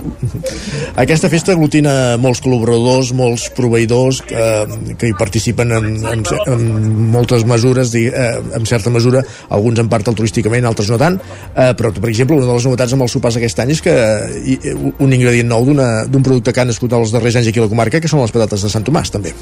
Sí, correcte. Uh, Sant Tomàs, doncs, uh, vam poder parlar amb ells, es van oferir també i, i sí, bueno, per nosaltres tot el que sigui uh, sumar productes de la comarca, per això també uh, vam fer el canvi del proveïdor dels porcs, perquè creiem que ja que som una cuina ens hem d'apoyar de les, de, de les empreses que tenim a prop, dels petits productors, els comerços locals i, i també de grans empreses eh, que, que ens apoyen, però, però realment és una finalitat que intento buscar eh, eh, dins del col·lectiu. Som Osona Cuina i, i creiem que el producte que hem de gastar ha de ser de la comarca d'Osona. I, bueno, espero que segueixi durant molts anys. Aquest any hem introduït les patates de Sant Tomàs amb la costella al vespre, llavors també Frigorífics Ferrer ens ha ajudat amb, amb arengades que no n'havíem fet mai i que realment ara m'hi estava fixant i tenen bastant èxit, vull molt dir que, que bé, molt bé, uh, crec que estem tots per sumar i si ens apoyem tots eh, serà molt més fàcil. Nosaltres al final som un col·lectiu, eh, som una associació, fem eh, vull dir, perquè, perquè ens agrada, no, no hi guanyem res, al contrari, vull dir, tothom tenim el nostre restaurant i la nostra feina, i a partir d'aquí, doncs, crec que, que com més unió fem amb tothom, doncs més bé ens ho passarem. Com estan les truites, per cert?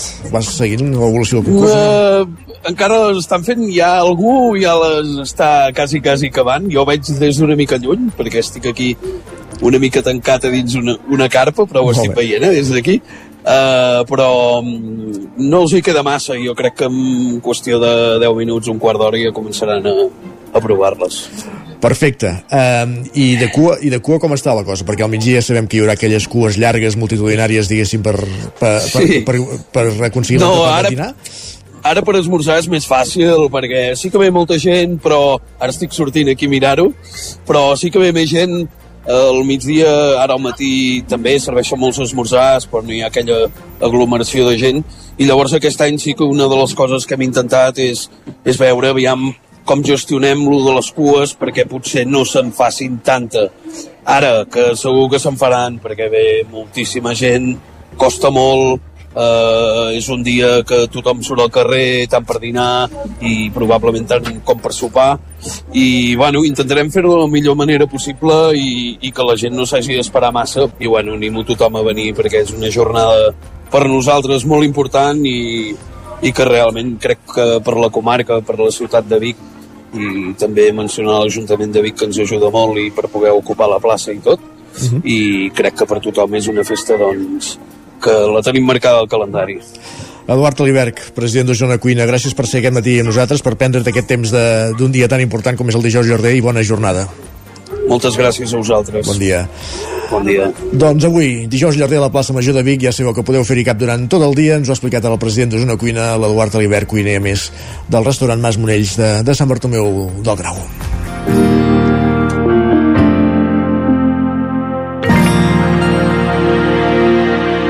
I ara passa un minut de les 10 del matí. Territori 17.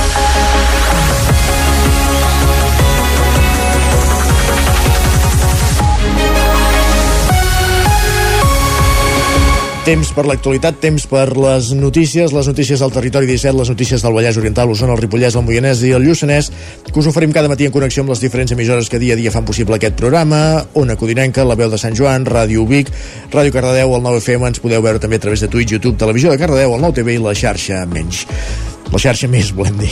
Mercadona construirà un aparcament de 60 places en un terreny municipal de Vic al carrer Santa Coloma de Farners, al costat de l'establiment que la cadena té entre la carretera de Manlleu i la de Sant Hipòlit. Sergi Vives, el 9FM. El pàrquing serà d'accés gratuït i obert a tothom. L'Ajuntament ha cedit el terreny durant 20 anys i el, consider, el considera un bon projecte tenint en compte les demandes d'aparcament que hi ha des del polígon. Esther Comas, la regidora d'Urbanisme. És una necessitat que ens demanen constantment a les reunions de polígons les empreses, no només pels treballadors sinó també pels visitants al polígon, els seus clients i que per tant doncs, com a ciutat teníem eh, a l'ordre del dia de feines per fer i és d'agrair doncs, que empreses eh, ens construeixin un aparcament amb, amb diners de la pròpia entre, empresa perquè la resta de la ciutadania el pugui utilitzar de manera eh, gratuïta La CUP i en Comú Podem no hi estan d'acord. Això ho van voler fer constar al ple d'aquest dilluns els seus portaveus, Carla Dinarès i Arnau Martí. Aquesta gent el que se'ls hi hauria és de fer pagar una taxa calculada en base a la rendibilitat econòmica de l'activitat sol·licitant. O sigui, s'està regalant l'ús de terrenys públics a una empresa privada amb un cost des del seu punt de vista irrisori i a sobre es pensen, o si més no, així ho expliquen a la ciutat de Vic, que estan fent un bon negoci. Sigui, aquí l'únic negoci l'està fent Mercadona. i nosaltres pensem que és un error continuar eh, afavorint els grans centres comercials i les superfícies comercials dels polígons i jo crec que aquí és el que es fa. Jo crec que eh, el rendiment que traurà Mercadona d'aquesta ampliació de 60 places en sol públic de l'Ajuntament serà molt major del preu que avui pagaran a 20 anys L'aprovació inicial del projecte executiu al ple de dilluns va prosperar amb els vots a favor del govern, el PSC i Som Identitaris, l'abstenció d'Esquerra i el vot en contra de la CUP i en Comú Podem.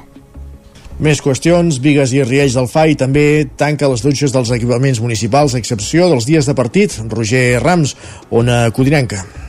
Sí, exacte. Parlem un dia més de sequera i de les conseqüències que aquesta està portant en el dia a dia de les persones. I és que després que divendres passat es declarés la fase d'emergència per sequera als municipis del Ter Llobregat, amb més restriccions d'aigua, ara els ajuntaments, ho estem explicant aquests dies aquí al territori 17, estan prenent mesures per reduir el consum d'aigua. Un d'aquests municipis afectats és Vigues i Riells del Fai, que des d'aquest dilluns ha optat per limitar l'accés a les dutxes dels equipaments municipals, com poden ser, per exemple, el pavelló de Can Badell. Segons explica l'alcalde Joan Galiano, aquestes instal·lacions només estaran operatives els dies de partit i no sempre com passava fins ara. Les de Vigues i Riells, arran de la publicació el divendres en el lloc de, de les mesures de la sequera per part de la Generalitat, eh, el que hem optat és perquè a partir d'avui dilluns eh, començar, començar amb el que serien les instal·lacions municipals a delimitar l'ús de les dutxes i només fer-ho els dies de partit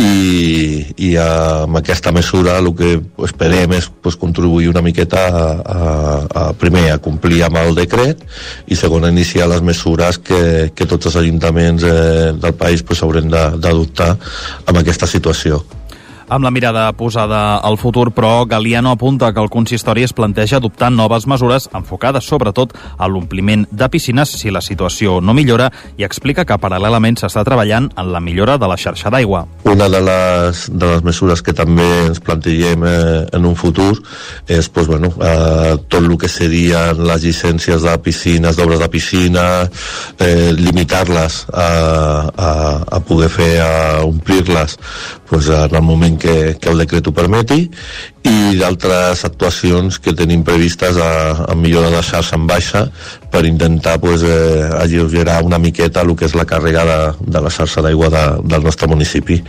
Recordem que amb aquesta entrada en fase d'emergència, que al voltant de Sant Feliu de Codines afecta a Vigues i també a Caldes de Montbui, hi ha restriccions pels principals sectors econòmics que han de reduir la seva despesa d'aigua. Ho han de fer en un 80% els agricultors, un 50% els ramaders i un 25% les indústries. A més, en usos recreatius que impliquin rec, aquest queda totalment prohibit. Mentre duri la fase d'emergència, més, tampoc no es poden engegar noves activitats econòmiques en aquells municipis que impliquin volums importants d'aigua com poden ser fàbriques, granges o hotels i el Ripollès, gràcies Roger, troben una mini pel·lícula de més de 85 el camí de la retirada a Camprodon. Isaac Muntades, la veu de Sant Joan. Explorant els camins de la retirada la primavera de l'any passat, el gestor de l'espai cultural Cal Marquès de Camprodon, Lluís Bassaganya, va trobar una caixeta metàl·lica que contenia una mini pel·lícula de Pate Baby, una bobina del primer projector de cinema domèstic. Aquest film de més de 85 anys estava amagat entremig de la fullaraca en una fageda a prop de Camprodon. Al seu costat hi havia diverses caixetes que estaven xafades, probablement perquè els soldats les havien intentat destruir, però aquesta havia quedat amagada. No se sap si la bobina conserva imatges i quina es conserva, però es tracta d'una troballa excepcional. L'únic clar que tenia Bassaganya és que la cinta no era de civils. El que està clar és que no és una cinta de civils que travessen la frontera, perquè és un pas només de militars, no és un pas que travessin civils. És a dir, pel que fa a la retirada, hi ha molts camins de retirada, hi ha unes vies principals, que és les que utilitzaven els militars i els civils, juntament, mm. però llavors hi ha unes vies secundàries que no són utilitzades pels civils civils, només són utilitzades pels, pels militars. Tot això o, o ho sabem a, arrel d'aquest material que anem trobant, no? Vull dir, en mm. funció del material que trobes, saps si són civils, militars o si, o si anaven barrejats. Bassaganya apuntava que quan van trobar la pel·lícula, el primer que van fer va ser trucar al Centre de Restauració de la Generalitat perquè no es fes malbé, ja que si ho haguessin intentat obrir ells, els haurien quedat totes les peces als dits. En aquest cas, després va enviar la Filmoteca de Catalunya, que és l'entitat experta en poder recuperar aquests materials. En principi s'hauria de desplegar, treure de la caixeta, donar-li flexibilitat per desenrotllar-la i mirar si en algun punt d'aquests 10 metres de cinta hi ha algun fotograma que podria ser una simple pel·lícula d'entreteniment o gravacions d'aquella època. Si es recupera alguna cosa, la idea és projectar-ho a l'espai cultural de Cal Marquès. La Tèxtil Rase de Cardedeu acull la primera trobada sectorial de cultura del Vallès Oriental. Enric Rubio, Ràdio Televisió Cardedeu. Així és, Isaac, el Consell Comarcal del Vallès Oriental va reunir els regidors i regidores de Cultura, Patrimoni i Festes i representants del Departament de Cultura de la Generalitat de Catalunya. Tot això va ser dimarts per la tarda, en una trobada organitzada per la nova àrea de Cultura i Llengua del Consell Comarcal del Vallès Oriental, encapçalada pel conseller de Cultura i Llengua, Xavier Orozco, primer tinent d'alcaldia de Cardedeu, que va dirigir la reunió. La trobada sectorial va comptar amb la presència de directors dels Serveis Territorials de Cultura de la Generalitat de Catalunya, Andreu Felip i d'Isabel Colomer, directora de l'Oficina de Suport a la Iniciativa Cultural de la Generalitat. Va estar presidida pel president del Consell Comarcal, Emilio Cordero, i va comptar amb la presència de l'alcalde de Cardedeu, Josep Quesada. L'objectiu de la reunió, que va tenir lloc a la Tèxtil, ha estat compartir i conèixer els diversos projectes culturals, patrimonials i festius de la comarca, així com plantejar les inquietuds de manera compartida. Així mateix, els representants de la Generalitat van explicar de quina manera el Departament de Cultura pot ajudar els municipis i les línies de subvenció que ofereix a través dels seus serveis. En representació del poble, és a dir, de Cardedeu, hi va participar la regidora de Cultura i Patrimoni Maria Andreu i el regidor de Participació i Festes Populars, Víctor Serrano. Gràcies, Enric. Obrim plana esportiva perquè el Voltregà disputarà els quarts de final de la Copa del Rei contra l'Igualada en la primera eliminatòria Sergi Vives. El duel serà el divendres 8 de març al pavelló de Calafell. Així ho ha decidit el sorteig disputat aquest dimarts a la població del Baix Penedès. El Voltregà va arribar a les semifinals de la Copa l'any passat, on va caure per 2 a 1 contra el Liceo. El conjunt gallec és la gran absència de l'edició, que es jugarà a Calafell entre el 7 i el 10 de març. El sorteig en representació dels blanquiblaus hi va parlar el jugador Àlex Rodríguez i el segon entrenador Tudi Nogue. Sí, és cert que al final això pues, influeix una mica, però bueno, tenim sort que, que a casa nostra la gent ens segueix i, i si no és des d'aquí doncs serà des de Sant Hipòlit però sabem que, que com et dic que és un, un títol que a la gent li agrada i segur que, que baixa Calafell per Sant Hipòlit és una festa eh? baixar Calafell, competir veure tot aquest grup de gent intentar guanyar l'Igualada eh? A banda del Voltregà i Igualada, la resta d'enfrontaments seran el Noia Calafell, el Sant Just al Coll i el Barça Reus. Gràcies. Més qüestions, un últim apunt esportiu, ens ho avançava dir dilluns, en Guillem Freixa, el Vic Riu Primer femení, que competeix a la tercera federació, ha fet públic el seu malestar per no poder disposar de l'estadi poliplanàs de Vic, on juga habitualment en la jornada d'aquest cap de setmana, Sergi. La plantilla, sí, la plantilla a més un comunicat on expliquen que no hi podran jugar el partit contra el Riudoms perquè l'estadi està ocupat per un torneig de futbol base. Lamenten la gestió de la situació i manifesten perplexitat pel que defineixen com a absència de previsió i de consideració. Diuen que no entenen perquè s'ha cedit un espai municipal a una empresa externa sense verificar prèviament si algun dels clubs que el fa servir habitualment el necessitava. La queixa va arribar al ple de l'Ajuntament d'aquest dilluns a través d'una pregunta de la CUP. En la seva resposta, el regidor d'Esports, Eduard Comerma, va explicar que el torneig es va autoritzar perquè perquè era el, el cap de setmana de Carnaval, quan la majoria de competicions s'aturen i després d'haver demanat a les entitats si necessitaven el camp. Nosaltres el que fem normalment en aquests casos avisem les entitats, diem tu, hi ha torneig, eh, hi ha algun problema a molts camps, hi ha algun solapament, ha hagut alguna cosa, aquí ningú va dir res, i el torneig el vam autoritzar. Eh? I sí que es fa poc eh, que el Riu Primer es va donar que la Lliga catalana esperava, però l'espanyola no. Un cop es va constatar que el Vic Riu primer tenia partit a casa, segons Comerma, va ser impossible ubicar-lo a les instal·lacions bigatanes pel gran volum d'infants que mou el torneig, uns 1.300 al llarg del cap de setmana i l'espai que necessiten. El Vic Riu primer doncs, jugarà l'enfrontament a Manlleu dissabte a les 4 de la tarda. Doncs aquesta serà la situació, el Vic Riu primer jugant al camp del Manlleu. Gràcies, Sergi acabem aquí aquest repàs informatiu que començàvem al punt de les 10 i un minut en companyia de Sergi Vives, Enric Rubio, Isaac Muntades i Roger Rams. Moment de saludar també en Pep Acosta.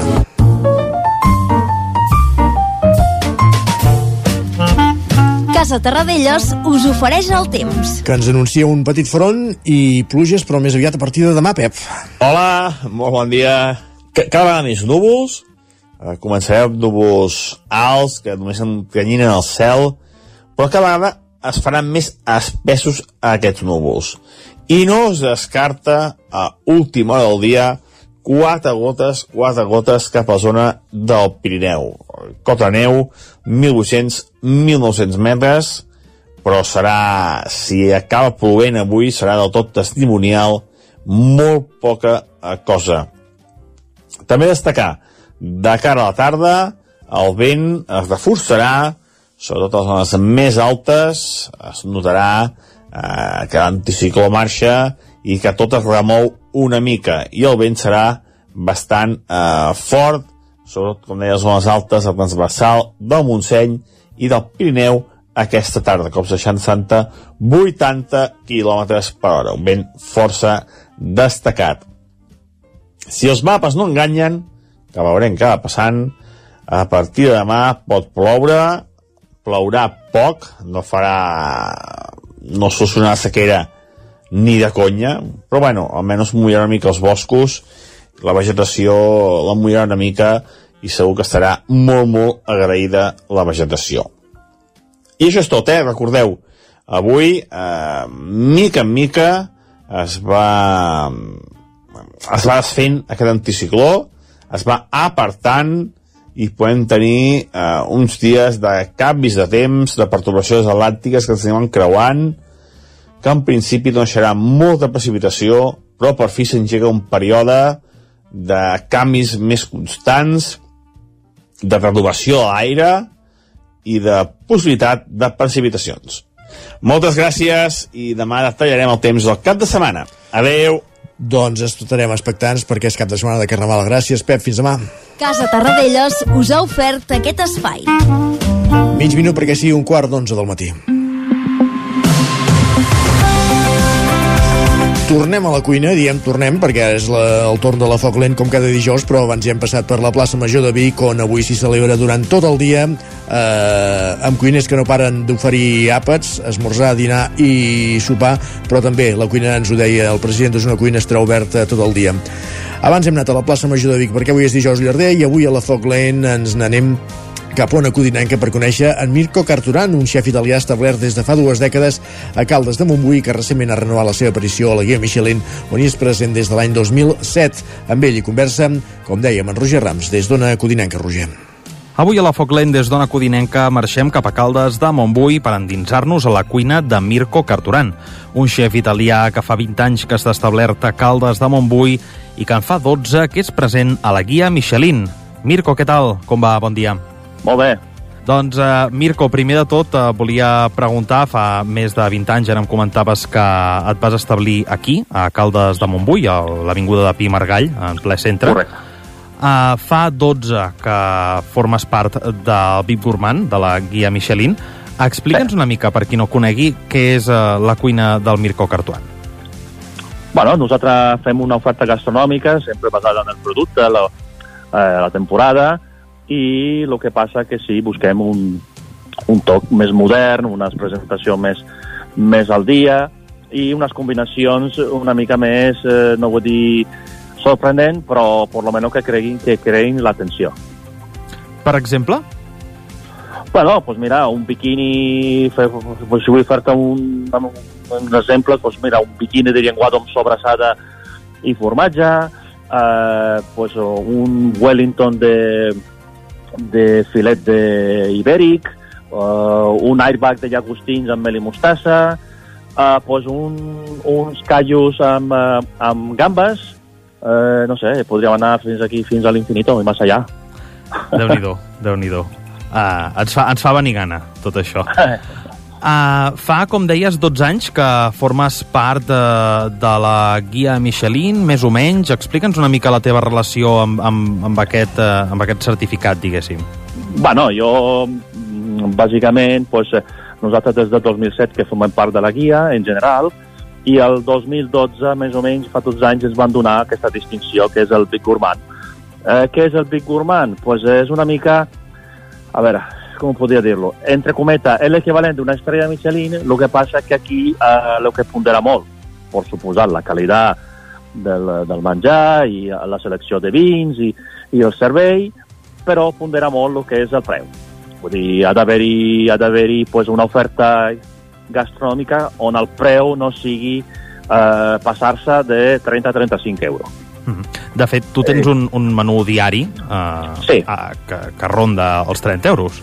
Sí, 30 euros. Nosaltres tenim un menú diari que li diem menú Big Gourmand, bàsicament per, per, eh, per eh, el premi que ens van donar, i és el nostre menú de territori. És una mica, diguem, el trapolí de llançament de plats nou, o el que ens ofereix al mercat, o fer prova per veure quina acceptació té aquest ingredient, i, i, i és diari, vull dir, ho, ho fem al moment, vull dir, cada dia o cada dos dies, depenent també una mica de les ventes, pues, eh, ho canviem. Una mica què, què hi conté aquest menú? Bueno, té, conté tres entrants, que són de format o tapes, que és això és, és l'equivalent d'un primer, després té tres segons a escollir, tres postres a escollir, eh, l'aigua nosaltres no la cobrem, eh, portem ja molts anys que nosaltres fem aigua osmotitzada i no la cobrem, i després entra pues, el que és una beguda, o sigui una copa de vi, un refresc, una cervesa, Però és això, no, diguem, dintre la carta no està escrit, és el nostre menú diari i ho, i ho, ho confeccionem pràcticament cada dia i ho diguem a veu. Una mica també volia preguntar, Mirko, perquè és una, una cosa que hi ha sempre al voltant de, dels restaurants que, que formen part de, de Michelin d'una manera o, o de l'altra, que és una mica com, com portes tu, és a dir, com t'ha marcat el fet d'aparèixer eh, en aquestes guies a, al llarg de, del temps? És a dir, si eh, hi ha pressió externa no n'hi ha, com, com ho gestiones tot plegat? Bueno, eh, a veure, eh, el que s'ha d'entendre que la Michelin, la Michelin mai t'obliga a res. Vull dir, et dona directriu. O sigui, la, els mitos d'aquest, que eh, eh, no, venen els inspectors i no paguen i tu l'has de fer a favor, no. Això és, són tot bulos que, que, que, que, que ja hi ha hagut durant el temps amb aquesta guia. La guia, doncs, eh, venen d'una manera anònima i si consideren ells que es compleixen el que són els requisits que ells marquen, doncs llavors t'ofereixen entrar. Tampoc et diuen que eh, t'entren. Et demanen a tu si vols entrar i si vols participar. Què, què és el tema de la pressió? bueno, depèn de cadascú. Nosaltres, pues, eh, eh, la nostra filosofia és eh, omplir i, i fer negoci, vull dir que, i el client que estigui content, perquè això al final és un negoci com, com qualsevol.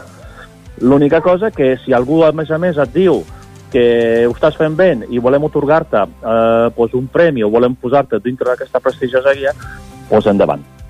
La pressió jo sempre la, la, la medeixo segons el caràcter de cada cuiner que, que cuini en el seu establiment.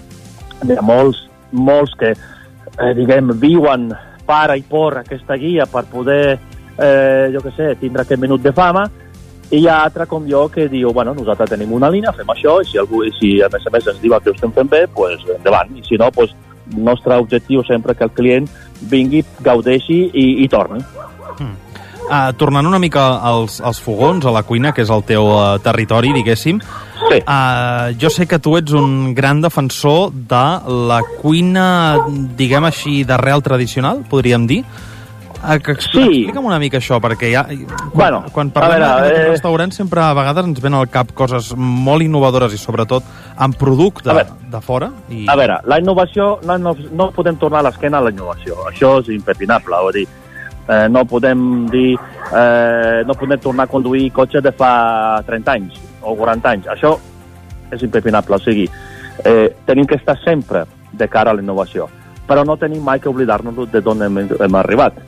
Nosaltres, jo defendo el que és la tradició, què vull dir? Posada al dia, innovada, millorada, perquè, clar, tampoc no podem menjar el mateix plato, plat de fa 40 anys, perquè fins i tot l'estil de vida que té la gent no és el mateix.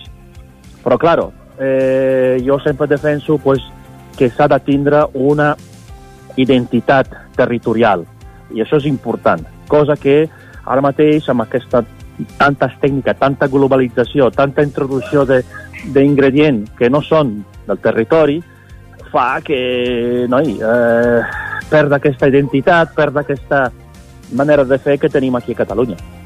És la meva opinió, modesta opinió, eh? vull dir que no, no, no vull que, que la gent malinterpreti, no? Mal, malgrat no, com deies, no podem donar l'esquena a la innovació, sempre, per això et comentava no, el matís de l'arrel tradicional, no? Clar, és que, eh, a veure, com puc dir? És que, um, un bacallà amb cigrons és un plat que dona una identitat a, a, a, a, al país. Un, una escudella és un plat que té una identitat en un país. I el que no pots veure és que ara, sobretot la nova generació, pues, l'escudella pues, el deixa més a part i, i, i tendeixen pues, a anar a un ramen. Vull dir, jo tinc una nena eh, de 13 anys i els seus amics eh, tot el que és el ramen i, i sushi pues, ho saben tots, o hamburgueses o... però tu li dius eh, anem a fer un, ba un bagall amb cigron i diu que, que tururú. És una mica això, no? O sigui, amb, amb paraules pobres.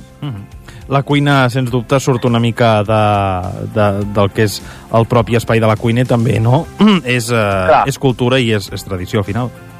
Clar, és que, a veure, eh, un país té tres coses importants. Eh, una són la, són la, la llengua, l'altra pues, eh, són les festes na- nacionals, la, la, la, la, cultura que té en general i després la gastronomia. quan perdem una d'aquesta aquest pilar d'un país, pues, eh, la cosa pot trontollar. Hi ha, hi ha moments eh, que sembla que, que hagin de, de, de caure tots tres. Uh, bueno, esperem que, esperem que no. Esperem, esperem, i farem, farem el, el possible. El, Mirko, el que sigui. Mirko, Digue'm. tu uh, vens d'Itàlia, del nord d'Itàlia. Sí. Com, com arribes sí. a Caldes de Montbui? Bueno, bueno, jo sigo sempre una... Jo vaig marxar de, de casa que tenia 16 anys. Vaig marxar, vaig, a tirar, vaig anar cap a Anglaterra, i després he fet una mica com un, país en la motxilla, no? Vaig anar donant tumbos uh, per diversos llocs. Eh, què va passar? Que en la meva època encara existia el servei militar, cosa que molta gent no sap ni el que és, no? Llavors, eh, al voler tornar al meu país, sigui, voler, voler tornar a anar a viure al meu país, eh, vaig ten tenia l'obligació de fer el servei militar. I, I això de perdre un any, un any i mig en el servei militar no era de la meva, eh, com dir, gratitud, en el sentit de que, ostres, ara estic en, un moment on estic aprenent molt en el tema de cuina i tindre que deixar-lo tot per tornar a començar eh, d'aquí un any, un any i mig, pues, eh, no, no m'agradava. Era com trencar una mica la dinàmica, no? I, i res, pues, eh, també perquè tenia una novieta que era d'aquí i em va comentar aquesta noia que diu, escolta, mira, a Barcelona fan els, els, les Olimpiades del 92. I mira, si vols, si vols podem baixar cap allà i a veure el què. I aquest el motiu principal va ser aquest. No voler fer, no voler fer servei militar, tornar a un país on la situació climatològica també era similar a la nostra, vull dir que una mica de sol, una mica de calor, i el fet de que a l'haver-hi les, les Olimpiades pues, era un motiu de que d'oportunitat laboral. Uh -huh. I d'aquí va començar. Vaig arribar a Barcelona, vaig estar uns anys, i després també voltant a través de molts restaurants i molts hotels, vaig conèixer la meva dona, la Meritxell, que tu, encara que ella és de, és de, és de Barcelona, i es va traslladar a la família Caldes de Montbui, i ja està. I aquí estoy. Doncs, escolta, Mirko Carturan, eh, moltíssimes gràcies per, per, per passar pels micròfons d'Ona Codinenca, eh, per parlar del teu restaurant, del Mirko, que porta, doncs, com deies, 20 anys eh, al centre de Caldes i, i 12 anys també en presència a la guia Michelin. I, escolta, endavant, moltes felicitats per aquesta renovació en aquesta guia i per seguir doncs, apostant i mantenint aquest esperit eh, tradicional de la cuina a Caldes de Montbui vingut des d'Itàlia. Que vagi molt bé, Mirko, una abraçada. Moltes gràcies, moltes gràcies, Roger. Fins aviat. Gràcies, Mirko, gràcies, Roger, una setmana més per oferir-nos la Foc Lent, aquesta secció setmanal que fem en roda per les emissores del Territori 17 per conèixer iniciatives gastronòmiques, iniciatives de producte a casa nostra. Nosaltres al Territori 17 fem una petitíssima pausa i tornem de seguida amb la resta de continguts previstos per aquest matí de dijous, 8 de febrer de 2024, dijous llarder. De seguida ens endinsem a Twitter i anem cap al cinema. El nou FM, la ràdio de casa, al 92.8. Menja ràpid, menja fàcil, el trinxat de les Cerdanyes, tio Carlit. Mmm, boníssim! Trinxat Carlit, 100% natural, fet cada dia a Puigcerdà i a punt en un minut. Encara et preguntes com t'ho faràs perquè els nens mengin verdura? El trinxat de les Cerdanyes, tio Carlit. Ho han dit avui, el 9FM? Ai, no ho he pas sentit. Tot té solució. Recupera programes, seccions i entrevistes del 9FM al 9fm.cat. Des de ben petit tindré un somni que és obrir un restaurant. Han sortit moltíssims llibres. Et demanen dades que, per altra banda, l'administració ja hauria de tenir. I ja no com a ramadera, sinó com a ciutadans. Nosaltres intentem que tothom pugui marxar amb un croissant. I trobaràs també tots els nostres podcasts. L'infopodcast del 9-9, cada matí a partir de dos quarts de vuit. I comencem parlant d'un tema punyent. Persones que passen per moments de gran dolor. L'infopodcast del 9-9. La lupa d'Agustí Danés cada divendres. La lupa, Agustí Danés. Els aniversaris. Cada vegada vivim més anys i cada vegada hi ha menys naixements. La combinació d'aquestes dues evidències distorsiona la piràmide d'edat. Paraula d'enfruns, el nostre podcast de llengua cada dimecres. Quan escoltem ho fem voluntàriament i en canvi sentir, podem sentir moltes coses encara que nosaltres no vulguem. Bruixes del dia, el podcast de dones i bruixes de Laura Centelles i Maria Saladic. Estàs escoltant Bruixes del dia. La meva relació amb la mort és totalment diferent, perquè jo morts, diguéssim, físiques d'un cos, n'he vist, crec que una a la meva vida. Feeling the Cinc, l'actualitat de casa nostra en anglès. Hello and welcome to Filling the Sink, a podcast from Catalan News. My name is Lucía I també tots els relats finalistes del concurs de narrativa curta del 9-9. He despertat a mig de la foscor. Tinc la boca seca i els ulls El 9fm.cat, la ràdio en línia i els podcasts del 9FM. Territori 17. El 9FM, Sergi. Som l'espai comunicatiu format per les comarques d'Osona, el Lluçanès, el Moianès, el Ripollès i el Vallès Oriental. Enric Rubio, Ràdio Televisió, Cardedeu. Bon dia al grup. Cada matí, de 9 a 11, al 9FM. Roger codinenca. Defensa de la sanitat pública. L'actualitat de les nostres comarques i tot el que has de saber abans de sortir de casa. Isaac Muntades, la veu de Sant Joan. de setmana, Sant Joan. Cada matí, Pep Acosta, el nostre home Territori del temps. 17. Avui contents. El 9 FM, el 9 FM, el 9 FM. En punt, dos quarts d'onze, al Territori 17.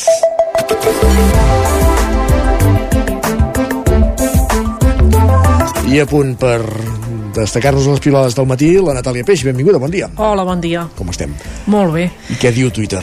Doncs Twitter es fa ressò d'aquesta protesta de la pagesia que s'ha allargat eh, ja dos dies, veurem què, què acaba passant avui, eh, però bé que en tot cas això, una protesta històrica sense precedents i que ha estat doncs, al capdavant de tots els informatius aquestes últimes hores. Correcte. La Blanca diu, això dels pagesos té mèrit perquè són autònoms fent vaga.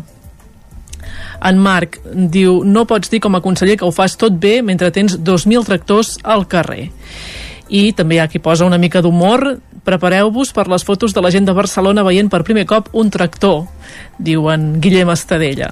Home, la gent de Barcelona surt de Barcelona i en veu molts atractors al cap de setmana. Potser dins de Barcelona sí que és més... Com a element és exòtic, més complicat, sí, que el veuen, eh, de, exacte. de veure'ls. I uh, l'Albert diu, la gent, ah, que els tractors no són amarillos, quina estafa de cançó. Mare de Déu, senyor. Potser alguns la recordeu, eh? Aquí els, els veiem normalment verds, blaus, algun de vermell. Exacte. Sí, de grocs pocs, de fet. I la cançó poder també amb algú li queda, li queda lluny, També però n'hi ha d'altres que sí, que, Exacte. que sabem de què va, això dels tractors amarillos.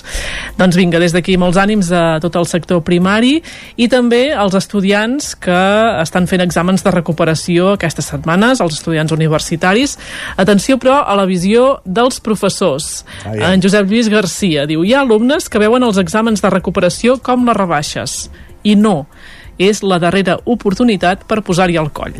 Per tant, Les aquí eh, avís a, a navegants, no?, que es diu. Correcte.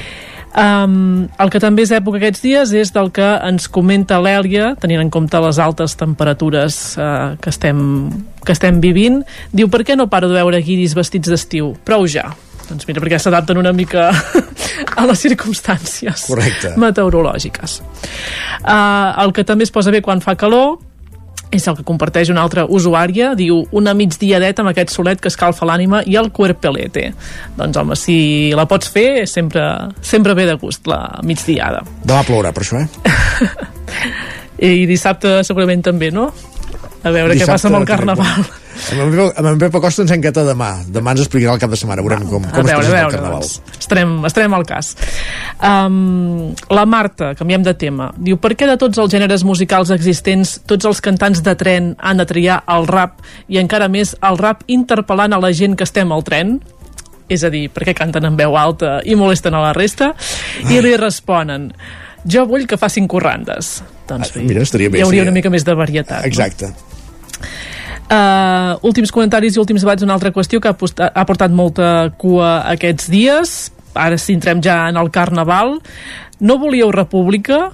Diu l'Antàrtica. Doncs no, a, doncs no a les consignes del rei Carnestoltes. És Ah, a dir, esclar, si hi ha república no podem fer cas, no podem fer cas al rei. Avui què tocava? Anar al, al, Avui és dijous llarder, Ah, portar botifarra i prou. jo en sé d'alguns que havien d'anar avui vestits eh, que no combinés gaire, diguem, que fes una mica de mal d'ulls. No sé si era generalitzat, també he vist una colla de criatures amb el cap pintat aquí a Vic, vull dir Ves. que devien haver-hi diferents consignes. Um, Continuem amb temes de carnaval. Diu, és ben curiós això d'ara que el carnestoltes a les escoles s'avança tota una setmana i va per davant del dijous llarder, perquè sent dilluns i dimarts festius, els nanos passen directament de la rua de divendres al dimecres de cendre. Carai, això, Que això la majoria d'escoles eh, dilluns vinent fan festa, algunes es veu que també dimarts. Per tant, Dos dies de festa, caram, això ja és Déu-n'hi-do. top, eh? Sí, sí. un pont. Uh, I què més? Doncs més qüestions de, de carnaval. Uh, per innovar de veritat, proposo fer el dijous llarder el dimecres. Trenquem amb les imposicions. Molt bé.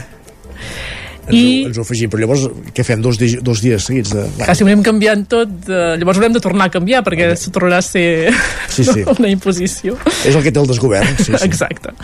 Uh, I uh, la Cèlia, que també ens parla del dijous llarder des d'una altra òptica, ja sabeu que avui és el dia per excel·lència de la botifarra i dels derivats del porc. Correcte.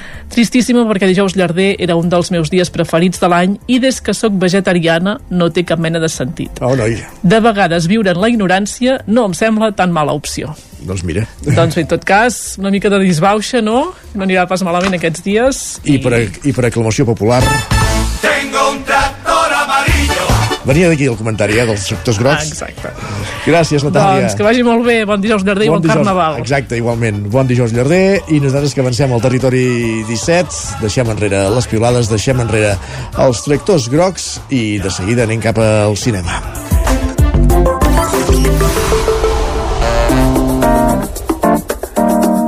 Territori 17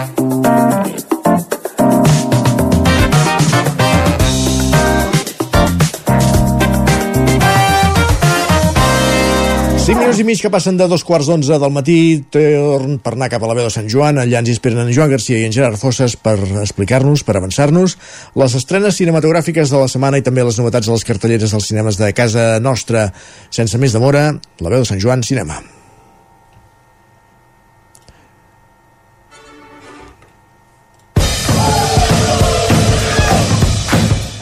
I una setmana més amb aquesta sintonia, moment de donar la benvinguda amb en Gerard Fosses, que ja tenim amb nosaltres. Hola Gerard, Hola, què tal? com va això? Doncs molt bé. Uh, hem, hem estat en setmanes de molt bones estrenes. Uh, avui crec que frenem una mica, uh, és la meva opinió almenys, Mm. uh, però bé, segueixin havent-hi coses prou interessants. En tot cas també també hi ha tema de premis, eh? aquesta setmana Sí. aquesta Sí. tarda setmana s'han donat els Gaudí tenim ja els Goya també al calendari, per tant que, que també tindrem altres coses per parlar, però anem primer amb les estrenes de la setmana, que és el que podrem veure. Anem amb la primera, que estem parlant d'un biòpic, eh, aquest tipus de pel·lícules que es fan molt últimament, ressaltant figures històriques i donant-li com èpica o dimensió èpica a la, a la seva vida. En aquest cas estem parlant de Ferrari. Dos objetos no pueden ocupar el mismo espacio en el mismo momento. La curva se acerca. Tal vez sufras una crisis de identidad. ¿Soy un deportista? ¿O un competidor? Si te subes a uno de mis coches, te subes. Para ganar. Molt bé, uh, ja ho veiem, eh? un, un biopic de, de l'Enzo Ferrari, no? Crec. Sí, exacte. Uh, Enzo Ferrari en, en una etapa de, de crisi, ens, ens situem a l'any 57, Um, diguem que, que la pel·lícula se centra en, en dues vessants. Una és la, la seva crisi matrimonial. Recordem que, que, que la, seva, la seva dona doncs, van construir junts la- l'empresa de, de Ferrari i també doncs, van tenir un, un accident, doncs, van perdre el seu fill també i, i l'altre és doncs, aquesta aposta arriscada per, pels, pels cotxes de carrera que, que, al final doncs, ha sortit bé Nos mata esta pasión. però va sortir com de tot un procés de decisions com molt precipitades i, i molt atrevides en el seu moment i aquesta és la història que ens narra el, el director Michael Mann que si bé és un, un gran director o un director molt, molt reputat als anys 90 eh, sí que ha anat com perdent pistonada, sobretot amb les seves últimes pel·lícules eh, de Black Hat, per exemple, eh, Enemigos Públicos, no acaba de funcionar, Corrupció en Miami, i aquí seguim una mica la línia, és una, una pel·lícula molt plana, que de fet recomano gairebé no veure el tràiler, perquè el tràiler és com un resum de, de tota la pel·lícula, coses, eh, això no és que sigui culpa del director, però, però ja es veu que és mm, això, un tipus de, de narrativa amb un personatge molt tormentat, molt ben interpretat per, per Adam Driver, uh, hi ha Penelope Cruz també, com a, aquest personatge estrella, i, i bé, és una pel·lícula que diguem que flaqueja bastant amb tota la escena narrativa, sí, perquè té, té aquests moments d'emoció, té aquesta èpica de, de la història real, i aquest uh, morbo que ens podríem trobar en un documental a l'estil de Netflix, però que en aquest cas és una, una pel·lícula de, de dues hores, amb certa categoria cinematogràfica més elevada, uh, però tot i així sense, sense massa energia, que és mm. segurament el que demanava, que demanava una cinta d'aquest estil. Molt bé. Se n'han fet unes quantes, no?, darrerament, de, de, de pel·lícules sobre la Fórmula 1. Vull dir, recordo la de, la de l'Ayrton Senna, també la de mm. Prost versus no sé què, ara aquesta, vull dir que... Sí, exacte. Mm -hmm. Sí, sí, n'hi ha hagut unes quantes i sobre el món del, del motor també, que ja, ara no recordo el títol, però una que protagonitzaven també Christian Bale i, i Matt Damon, que en aquest cas era sobre, sobre la NASCAR, em sembla, però vaja, el món del motor vull dir, cinematogràficament és molt atractiu perquè et permet això veure les curses tenir unes sensacions de velocitat que, que no ho veus també veient una carrera uh -huh. i a més a més solen haver-hi històries al, dar al darrere de gent que se, que se la juga molt no? com és uh -huh. aquest cas uh -huh. um, però vaja, és això li falta energia, li falta no sé, com aquesta intensitat que, que casi una mica amb les emocions que vol retratar uh -huh. Molt bé, doncs anem a per la següent, que no sé si és un remake o què. Explica'ns. Sí, la següent és un remake, un remake en clau de musical, uh, en el cas d'una pel·lícula que va fer Steven Spielberg l'any 1985, que es deia El color púrpura. Hoy nuestra maestra nos ha hablado de un lugar llamado África.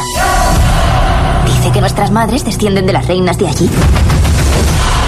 Lo que significa que somos de la realeza.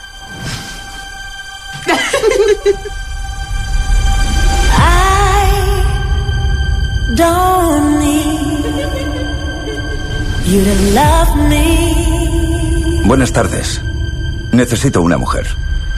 Aunque tengamos que separarnos, tú y Molt bé, yo. explica'ns, perquè no, el ritme no hi ha, tampoc. Tot i ser Uh, no, musical. però, però sí, la, la, la pel·lícula sí que sí que va, va apareixent i hi ha uh, números musicals també molt bons, o, alguns també que, que patinen una mica, uh, però vaja, això ve perquè d'aquesta novel·la molt popular, sobretot entre la comunitat afroamericana, que va escriure Alice Walker, doncs eh, ens porta això, una història sobre um, el drama o situacions complicades, en aquest cas d'una dona afroamericana um, als Estats Units a principis del segle XX, com és entregada, obligada a, a casar-se amb algú que no estima, com coneix un cantant de jazz que creiem que la porta a descobrir mons nous, també hi ha una història d'amistat i diguem que tot aquest món de, de la peripècia femenina en aquest context doncs es relatava en clau de melodrama.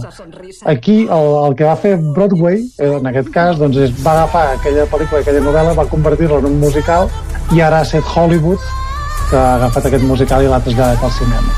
Uh, és una pel·lícula que, que realment és millor del que pinta. I és això, funciona molt bé a nivell musical uh, el fet de- d'estar de, enfocada des d'un punt de vista diguem, més vitalista i més positiu uh, li funciona molt bé perquè recordo el film de l'Spielberg que era un melodrama bastant, bastant tutxana i en canvi aquí doncs és molt més fluida, també té un, un molt bon repartiment, com també li passava a la pel·lícula anterior, i, i és d'aquest- d'aquestes pel·lícules agradables però que estan fetes amb una visió molt comercial sobretot, Mm. i de cara a intentar pescar premis, que en aquest cas ha tingut alguna nominació per l'Oscar, però sense un impacte molt gran a, a nivell popular, tampoc. Mm. Molt bé. No, no hi surt, no, la Whoopi Goldberg, que sortia a la pel·lícula original. No, no, no, no apareix en aquest cas, però, Però- hi ha un, un repartiment bastant interessant. No sé si m'equivoco, però diria que la- l'actriu que la dobla, sí, és a dir, que potser per aquest no sé, m'ha fet gràcia em sembla que m'ha semblat sentir la veu de la dobladora de la Whoopi Goldberg Toca Pues, pues, pues aquí podria ser. tonteries, tont ximpleries meves Uh, anem a per la tercera, que no ho hem dit, eh? La, aquestes dues primeres es poden veure al cinema Sucre i al Cine i Mm. el que és curiós és que la tercera, sent també una de les pel·lícules eh, premiades als Gaudí, ja ho farem, no, no es pugui veure, no? I sent una pel·lícula catalana. Sí, és, és una llàstima, però bueno, és, uh, això que també es reivindicava durant els Gaudí, no? que és aquesta aposta pel cinema català, també uh, a l'hora de l'exhibició. Uh, en aquest cas uh, no ha estat així, malauradament, uh, perquè parlem d'un documental, d'una pel·lícula bastant curta i d'una història molt específica, com en aquest cas és de, de l'actriu Carme Elias, amb aquest documental que es titula Mientras seas tu. Quina estació de l'any estem? Aquest matí ho sabia. La memòria falla, primer subtilment i molt a poc a poc més contundentment.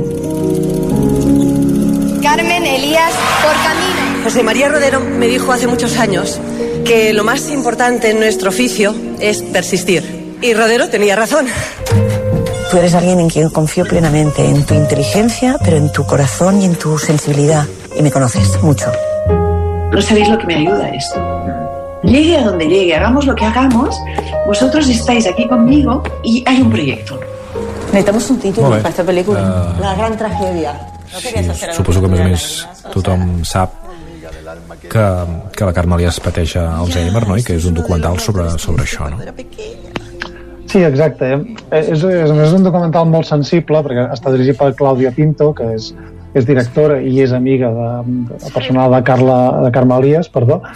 I, I el que han fet doncs, és com aquest retrat de prendre consciència de com la malaltia doncs, la- l'afectarà a la seva vida professional i a la seva vida personal. La ficción se alimenta de la... I és tot un seguiment de, de, de la Carme Elias, tant a la seva feina, a la seva vida, a, a un nivell més mèdic també, i, i de com va doncs, eh, lia, lidiant amb aquesta malaltia i també com li afecta això, doncs, això a la seva vida, a les seves relacions, òbviament, però està tractat d'una manera molt sensible i és una història molt, molt interessant que, home, permet uh, identificar-s'hi i reflectir un problema real amb una malaltia que malauradament és incurable, Mhm. com a mínim avui en dia, i, i és una història molt, molt impactant i que és una llàstima això que no, no es promocioni més, ja no per ser una pel·lícula catalana només, sinó per ser una pel·lícula arriscada com, com aquesta. Molt bé, doncs res, eh, no la podem veure de moment aquí, segurament ja arribarà també doncs, eh, quan vagi donant voltes com a pel·lícula del, del, del cicle Gaudí, segur que arribarà. Uh, Sí, segurament. Parlem d'això, dels premis. Uh, es va parlar més de, de, de potser el, les actituds de la gent que hi havia allà quan sí, no? uh, hi havia interpretacions o de, o de la gala de, que no pas ben bé de, la, de les pel·lícules que aquest any penso que hi havia pel que hem anat comentant un, un, una bona selecció, no? Sí, era un any amb, un, amb uns gaudis bastant potents, eh, com a mínim a nivell cinematogràfic, uh, però és el que passa sempre amb les gales, que es parla més de la gala en si que, que dels premiats, també perquè Morbo i els safrens doncs, ens agrada molt, i, i clar, també hi ha una cosa complicada que aquest any uh, la gala es feia just després de sopar i hi havia les, totes les taules muntades i hi havia l'àpat allà al mig que, que durant la prèvia doncs, entrevistaven a, a candidats que estaven allà sopant que bueno, pues no, no li veiem molt la gràcia i sembla que això doncs, va com destirotar una mica el, el fet de que els, els, que, que els convidats no estiguessin en un pati de butaques doncs feia que hi hagués més moviment. No, jo també ho entenc. Que A més a més, després de sopar i tot això, aquests sopars, haver-te de quedar assegut, eh, no? quan potser et ve de gust eh, això, Clar, clar. fer un beure o, o passejar, vull dir que potser sí, Sí. que no estava molt ben escollit enllaçar les I, dues i a més no sé que hi havia actuacions com el Guillem Gisbert que era com bastant sosa i tal doncs, Sí, sí. va, convida a fer la passejada Sí, sí. uh, però, però bé uh, la gala en si, vull dir, tampoc és que, que fos dolenta, vull dir, crec que la, les presentadores, la Zoya i Polo van fer la mar de bé uh, aquesta combinació de comèdia i reivindicació que crec que elles doncs, ho porten molt per mà i, i va funcionar bastant i a més a més això, una gran categoria de premiades com sempre passa que quan algunes destaquen eh, doncs s'emporten tots els premis com ha estat el cas de Creatura, que era la gran favorita mm. i va ser també la gran guanyadora, que va mm. guanyar sis, go, ai, sis gaudís, perdó, amb, incloent pel·lícula i direcció, tot i que la més premiada va ser Saben Aquel, també una de les favorites, eh, que va ser la que es va emportar més gaudís, amb set, i destacant sobretot els dos d'interpretacions. Mm -hmm. per David Verdaguer i per Carolina Juste. Molt bé. Anem Llavors, una mica rapidets, que, que no tenim molt de temps. Sí, destacar només això, que la Societat de la Nieve es va emportar com a millor pel·lícula europea i Robot Dreams pel·lícula d'animació i, i de fet Robot Dream segurament repetirà els Goya, que tenim eh, aquest eh, dissabte, que es donen aquest any a Valladolid, una gala que presentaran Ana Belén i Los Javis, aquests uh, creadors de, de la Messias, entre altres, entre altres obres de teatre i mm. pel·lícules, i les grans favorites, en aquest cas, ara sí són la Societat de la Nieve, i Cerrar los ojos, la pel·lícula de Víctor Erice, i veurem cap on tiren els acadèmics espanyols, eh, sí, cap a l'homenatge a una de les seves grans figures històriques o eh, la seva gran arma comercial del, del moment. I no ho dic en, en detriment d'una altra, eh? jo tinc clarament la meva favorita, però sí? això ja és decisió de cadascú. Mm. Quina és la teva, la teva favorita? No, per, per mi Cerrar los ojos i no, no hi ha color, però clar, això ja és mm. una qüestió de, de gustos, òbviament. Mm.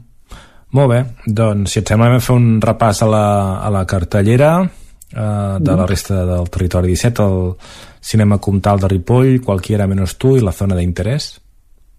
Sí, doncs pues mira, dos pel·lícules que no podien ser més diferents. Una és la Qualquiera menos tu, comèdia romàntica de les Dantes, que diríem, i la zona d'interès aquesta fantàstica pel·lícula sobre mm, el líder del camp de concentració d'Auschwitz que mostra l'horror d'una manera que no s'ha vist fins ara el casal Camprodoní, Los que se queden...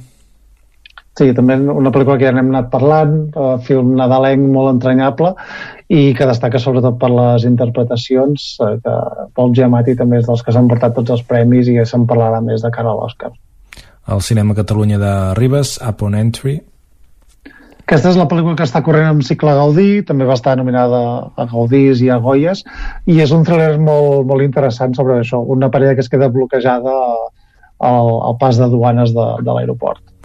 A l'esbarxo de Cardedeu, la floristeria de l'Iris i l'últim cupler. La floristeria de l'Iris és un drama israelí, ja en vam parlar perquè també la van estar projectant fa poc. I, i l'últim cupler és, bueno, no sé aquesta tendència que estava fan ara a l'esbarxo de, de posar pel·lícules eh, clàssiques espanyoles. Fa no gaire hi havia una de Paco Martínez Soria i en aquest cas una de, de Sara Montiel. El cinema Alhambra de la Garriga, Los que se quedan, Perfect Days, El deshielo, Memorias de África, Migración, un viaje patas para arriba, Robot Dreams i el mestre que va prometre el mar, vull dir, que com, sí, com s'ho fan. A tope. Bé, el, aquí és, anar repartint. La setmana passada de tot eh, pobres criatures, si no recordo malament, i aquí doncs toca varietat. Eh, recuperant Perfect Days, recuperant el mestre que va prometre el mar i també, sobretot això, Robot Dreams i un clàssic com Memòries d'Àfrica al Cineclub de Vic hi ha el Xic, cinema Xic, que diumenge el Toni, mm. Shelley i la llanterna màgica. Mm. Una pel·lícula que, que enceta aquest uh, cineclub xic amb el cicle de, de febrer fins a juny uh, i en aquest cas això, amb una pel·lícula amb un nen que té una capacitat molt especial que és brilla com una bombeta. I ja diumenge, uh, perdó, dimarts, la imatge permanent. Mm Sí, que està ja dintre del cicle de cineclub normal. Uh, aquest és un documental, ficció de, de Laura Ferrés, amb un caràcter molt experimental, uh, que, això, que estudia bàsicament la, la immigració a través de l'estudi d'uns quants personatges femenins i amb un estil molt, molt peculiar i molt únic que, que crec que val moltíssim la pena. Perfecte, doncs escolta, moltíssimes gràcies, que, que vagi molt bé i parlem la setmana que ve, que ja diem que és un dia estrany perquè les estrenes són el dimecres uh mhm. -huh. i no sí, el dijous. parlarem en, en retrospectiva, perquè hi ha Sant Valentí i suposo que és una de les cites preferides de les parelles, doncs és Nas. Hòstia, no sé, és curiós, eh? Uh, no... Sí, sí, sí, és, a, a mi no em preguntis. molt bé, doncs vinga, que vagi molt bé. Vinga, que vagi bé, fins la setmana que ve. Territori 17 7 minuts i seran les 11 del matí.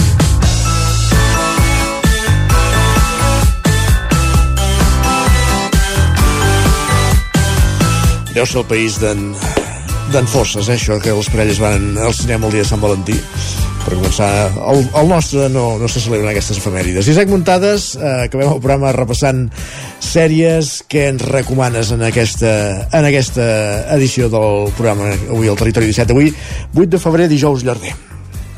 Bon dia. Doncs uh, no us recomano cap sèrie de cuina. Carai. Que ja, ja m'ho podria haver muntat bé, perquè Ja tampoc ara... sí. N'hi han segur, però ara no, la veritat és que no me'n ve cap al cap, eh? però, però em sembla que algunes ja segur, eh? vull dir que això, i de pel·lícules... De pel·lícula n'he vist alguna recentment, és cert, sí. Sí, acarretades, eh? Uh, mira, de fet, la que us recomano avui, crec que no us l'he recomanat, espero no, no repetir-me, uh, és Sagrada Família, us vaig recomanar la primera temporada, però ara recentment han fet la, la segona. Mhm. uh, uh, res, a finals de l'any passat, vull dir que està, està tota, la podeu veure a Netflix, uh, són vuit capítols, bàsicament, aquesta segona temporada, és una continuació de la primera, no, no són temporades eh, diferents, com, com hi ha sèries policíaques que, que comença una temporada i, i, i l'altra no té res a veure sí. doncs en, en aquest cas sí que és una continuació capítols curtets, entre tres quarts d'hora i, i una mica més de, de mitja hora i, i bàsicament parla de mm, clar, aquí hem de fer una mica de- de- de- d'explicar de, com va acabar la- l'anterior temporada, que ja em sembla que ja és del 2020 o 2021, la, la primera, que hi ha, hi, ha una, hi ha una dona que es diu Glòria, que el seu fill eh, mor doncs, en, en un accident al, a la platja, no? Uh -huh. afogat. Eh, llavors aquesta, aquest fill té una, té una parella amb qui volen tenir un, fi, un, un fill, però no es queda embarassada, d'acord, la dona? Què passa? Que li demanen a la mare, que és la, la Glòria, que es quedi embarassada per, per, la, per la mare i després els hi doni el fill. Ho fa, eh, donen el fill i, evidentment, eh, aquest, aquest fill que encara no ha nascut, quan mor el pare, la Glòria què fa? Doncs eh, decideix que el fill és l'únic que li queda de, de, del seu fill, eh, valgui la redundància, i se l'emporta. I en aquí comença la persecució d'aquesta altra, de la parella del, del noi que, que s'ha ofegat per recuperar el fill. Uh, i bàsicament uh, la, la Glòria se'n va amb els seus altres uh, dos fills uh, lluny de, de, de Ceuta que és el lloc on passa l'acció i se'n van a, a Madrid en principi i allà viuen en l'anonimat no? evidentment que no els descobreixin amb noms falsos i tot això això seria una mica la primera temporada una primera temporada en què evidentment doncs, aquesta, aquesta dona que, que busca el seu fill que, que, que teòricament li han robat perquè no és seu, és un argument enrevessat ja ho Sí, esteu sí, veient ho eh? veig, ho veig, sí, sí. Doncs eh, evidentment busc, a, a, a través del seu pare que és molt ric contracten una sèrie de persones perquè els hi recuperin el fill i aquesta segona temporada va una mica de, de com va acabar la primera no? doncs que la, la meitat dels sicaris van acabar malament bueno, i, i, i aquí bueno, doncs busquen, busquen aquest fill i veurem si, si ho aconsegueix eh, o si finalment el, el nen es queda amb, amb, la, amb, la, amb la mare que, que diguéssim que, que el va portar al món no amb, no amb la que li havia de donar i, i bàsicament això és, és una sèrie bueno, que, que està bé, hi ha, hi ha actrius uh, conegudes, hi ha la Najwa Nimri Uh -huh. que és la Glòria, que és la sí. protagonista també hi ha la Macarena Gómez em sembla mm, qui més hi ha uh, bueno, apareixen una sèrie d'actors coneguts Balba Flores també que també apareix doncs, amb, a la sèrie Vis a Vis bueno, és, un, és una sèrie on, que, on hi ha tots els actors de l'Star System espanyol i, i realment jo, jo trobo només per acabar que és una mica més fluixa que la primera temporada eh? vull dir que això s'haurà de, haureu de discernir vosaltres. Doncs queda dit, Sagrada Família, i ara que apuntaves a sèries de cuina, jo, jo recordo recentment una pel·lícula, és de l'any 21, eh, es va traduir a Espanya com a Hierbes, una pel·lícula francesa de títol original Boiling Point, que relata eh, una nit en un restaurant d'alt nivell eh, una d'aquelles nits és un d'aquells projectes que ja trontolla tot i arriba un punt que quan una cosa trontolla per molts cantons eh, arriba un dia que esclata doncs és la nit que, que esclata tot eh, en, un, en un restaurant i si més no és entretingut, eh? val la pena de veure és un drama però la pel·lícula està molt bé eh, per tant també ja, ja que apuntaves a recomanacions culinàries doncs mira, avui portem sí, també l'antena aquesta la- Hierbe l'altre ràpidament seria Ratatouille no? També, Així, exacte. més el, Aquesta és coneguda. el cinema infantil. Correcte. Isaac, moltíssimes gràcies. Bon dijous, A Llorder. vosaltres. Fins demà. Bon dijous, Arder. Adéu. I amb la sèrie, amb les recomanacions de sèries, amb la ficció que veiem al territori 17 d'avui, dijous 8 de febrer de 2024, dijous Llorder, us hem acompanyat des de les 9, Enric Rubio, Pep Acosta, Roger Rams, Guillem Sánchez, Gerard Fosses, Joan Garcia, Isaac Muntada, Sergi Vives i Isaac Moreno. El territori 17 hi torna demà, a partir de les 9. Serà divendres, per tant, hi haurà també tertúlia. Fins aleshores, bon dijous, bon dijous Llorder, i gràcies per ser-hi. Bona entrada al Carnaval.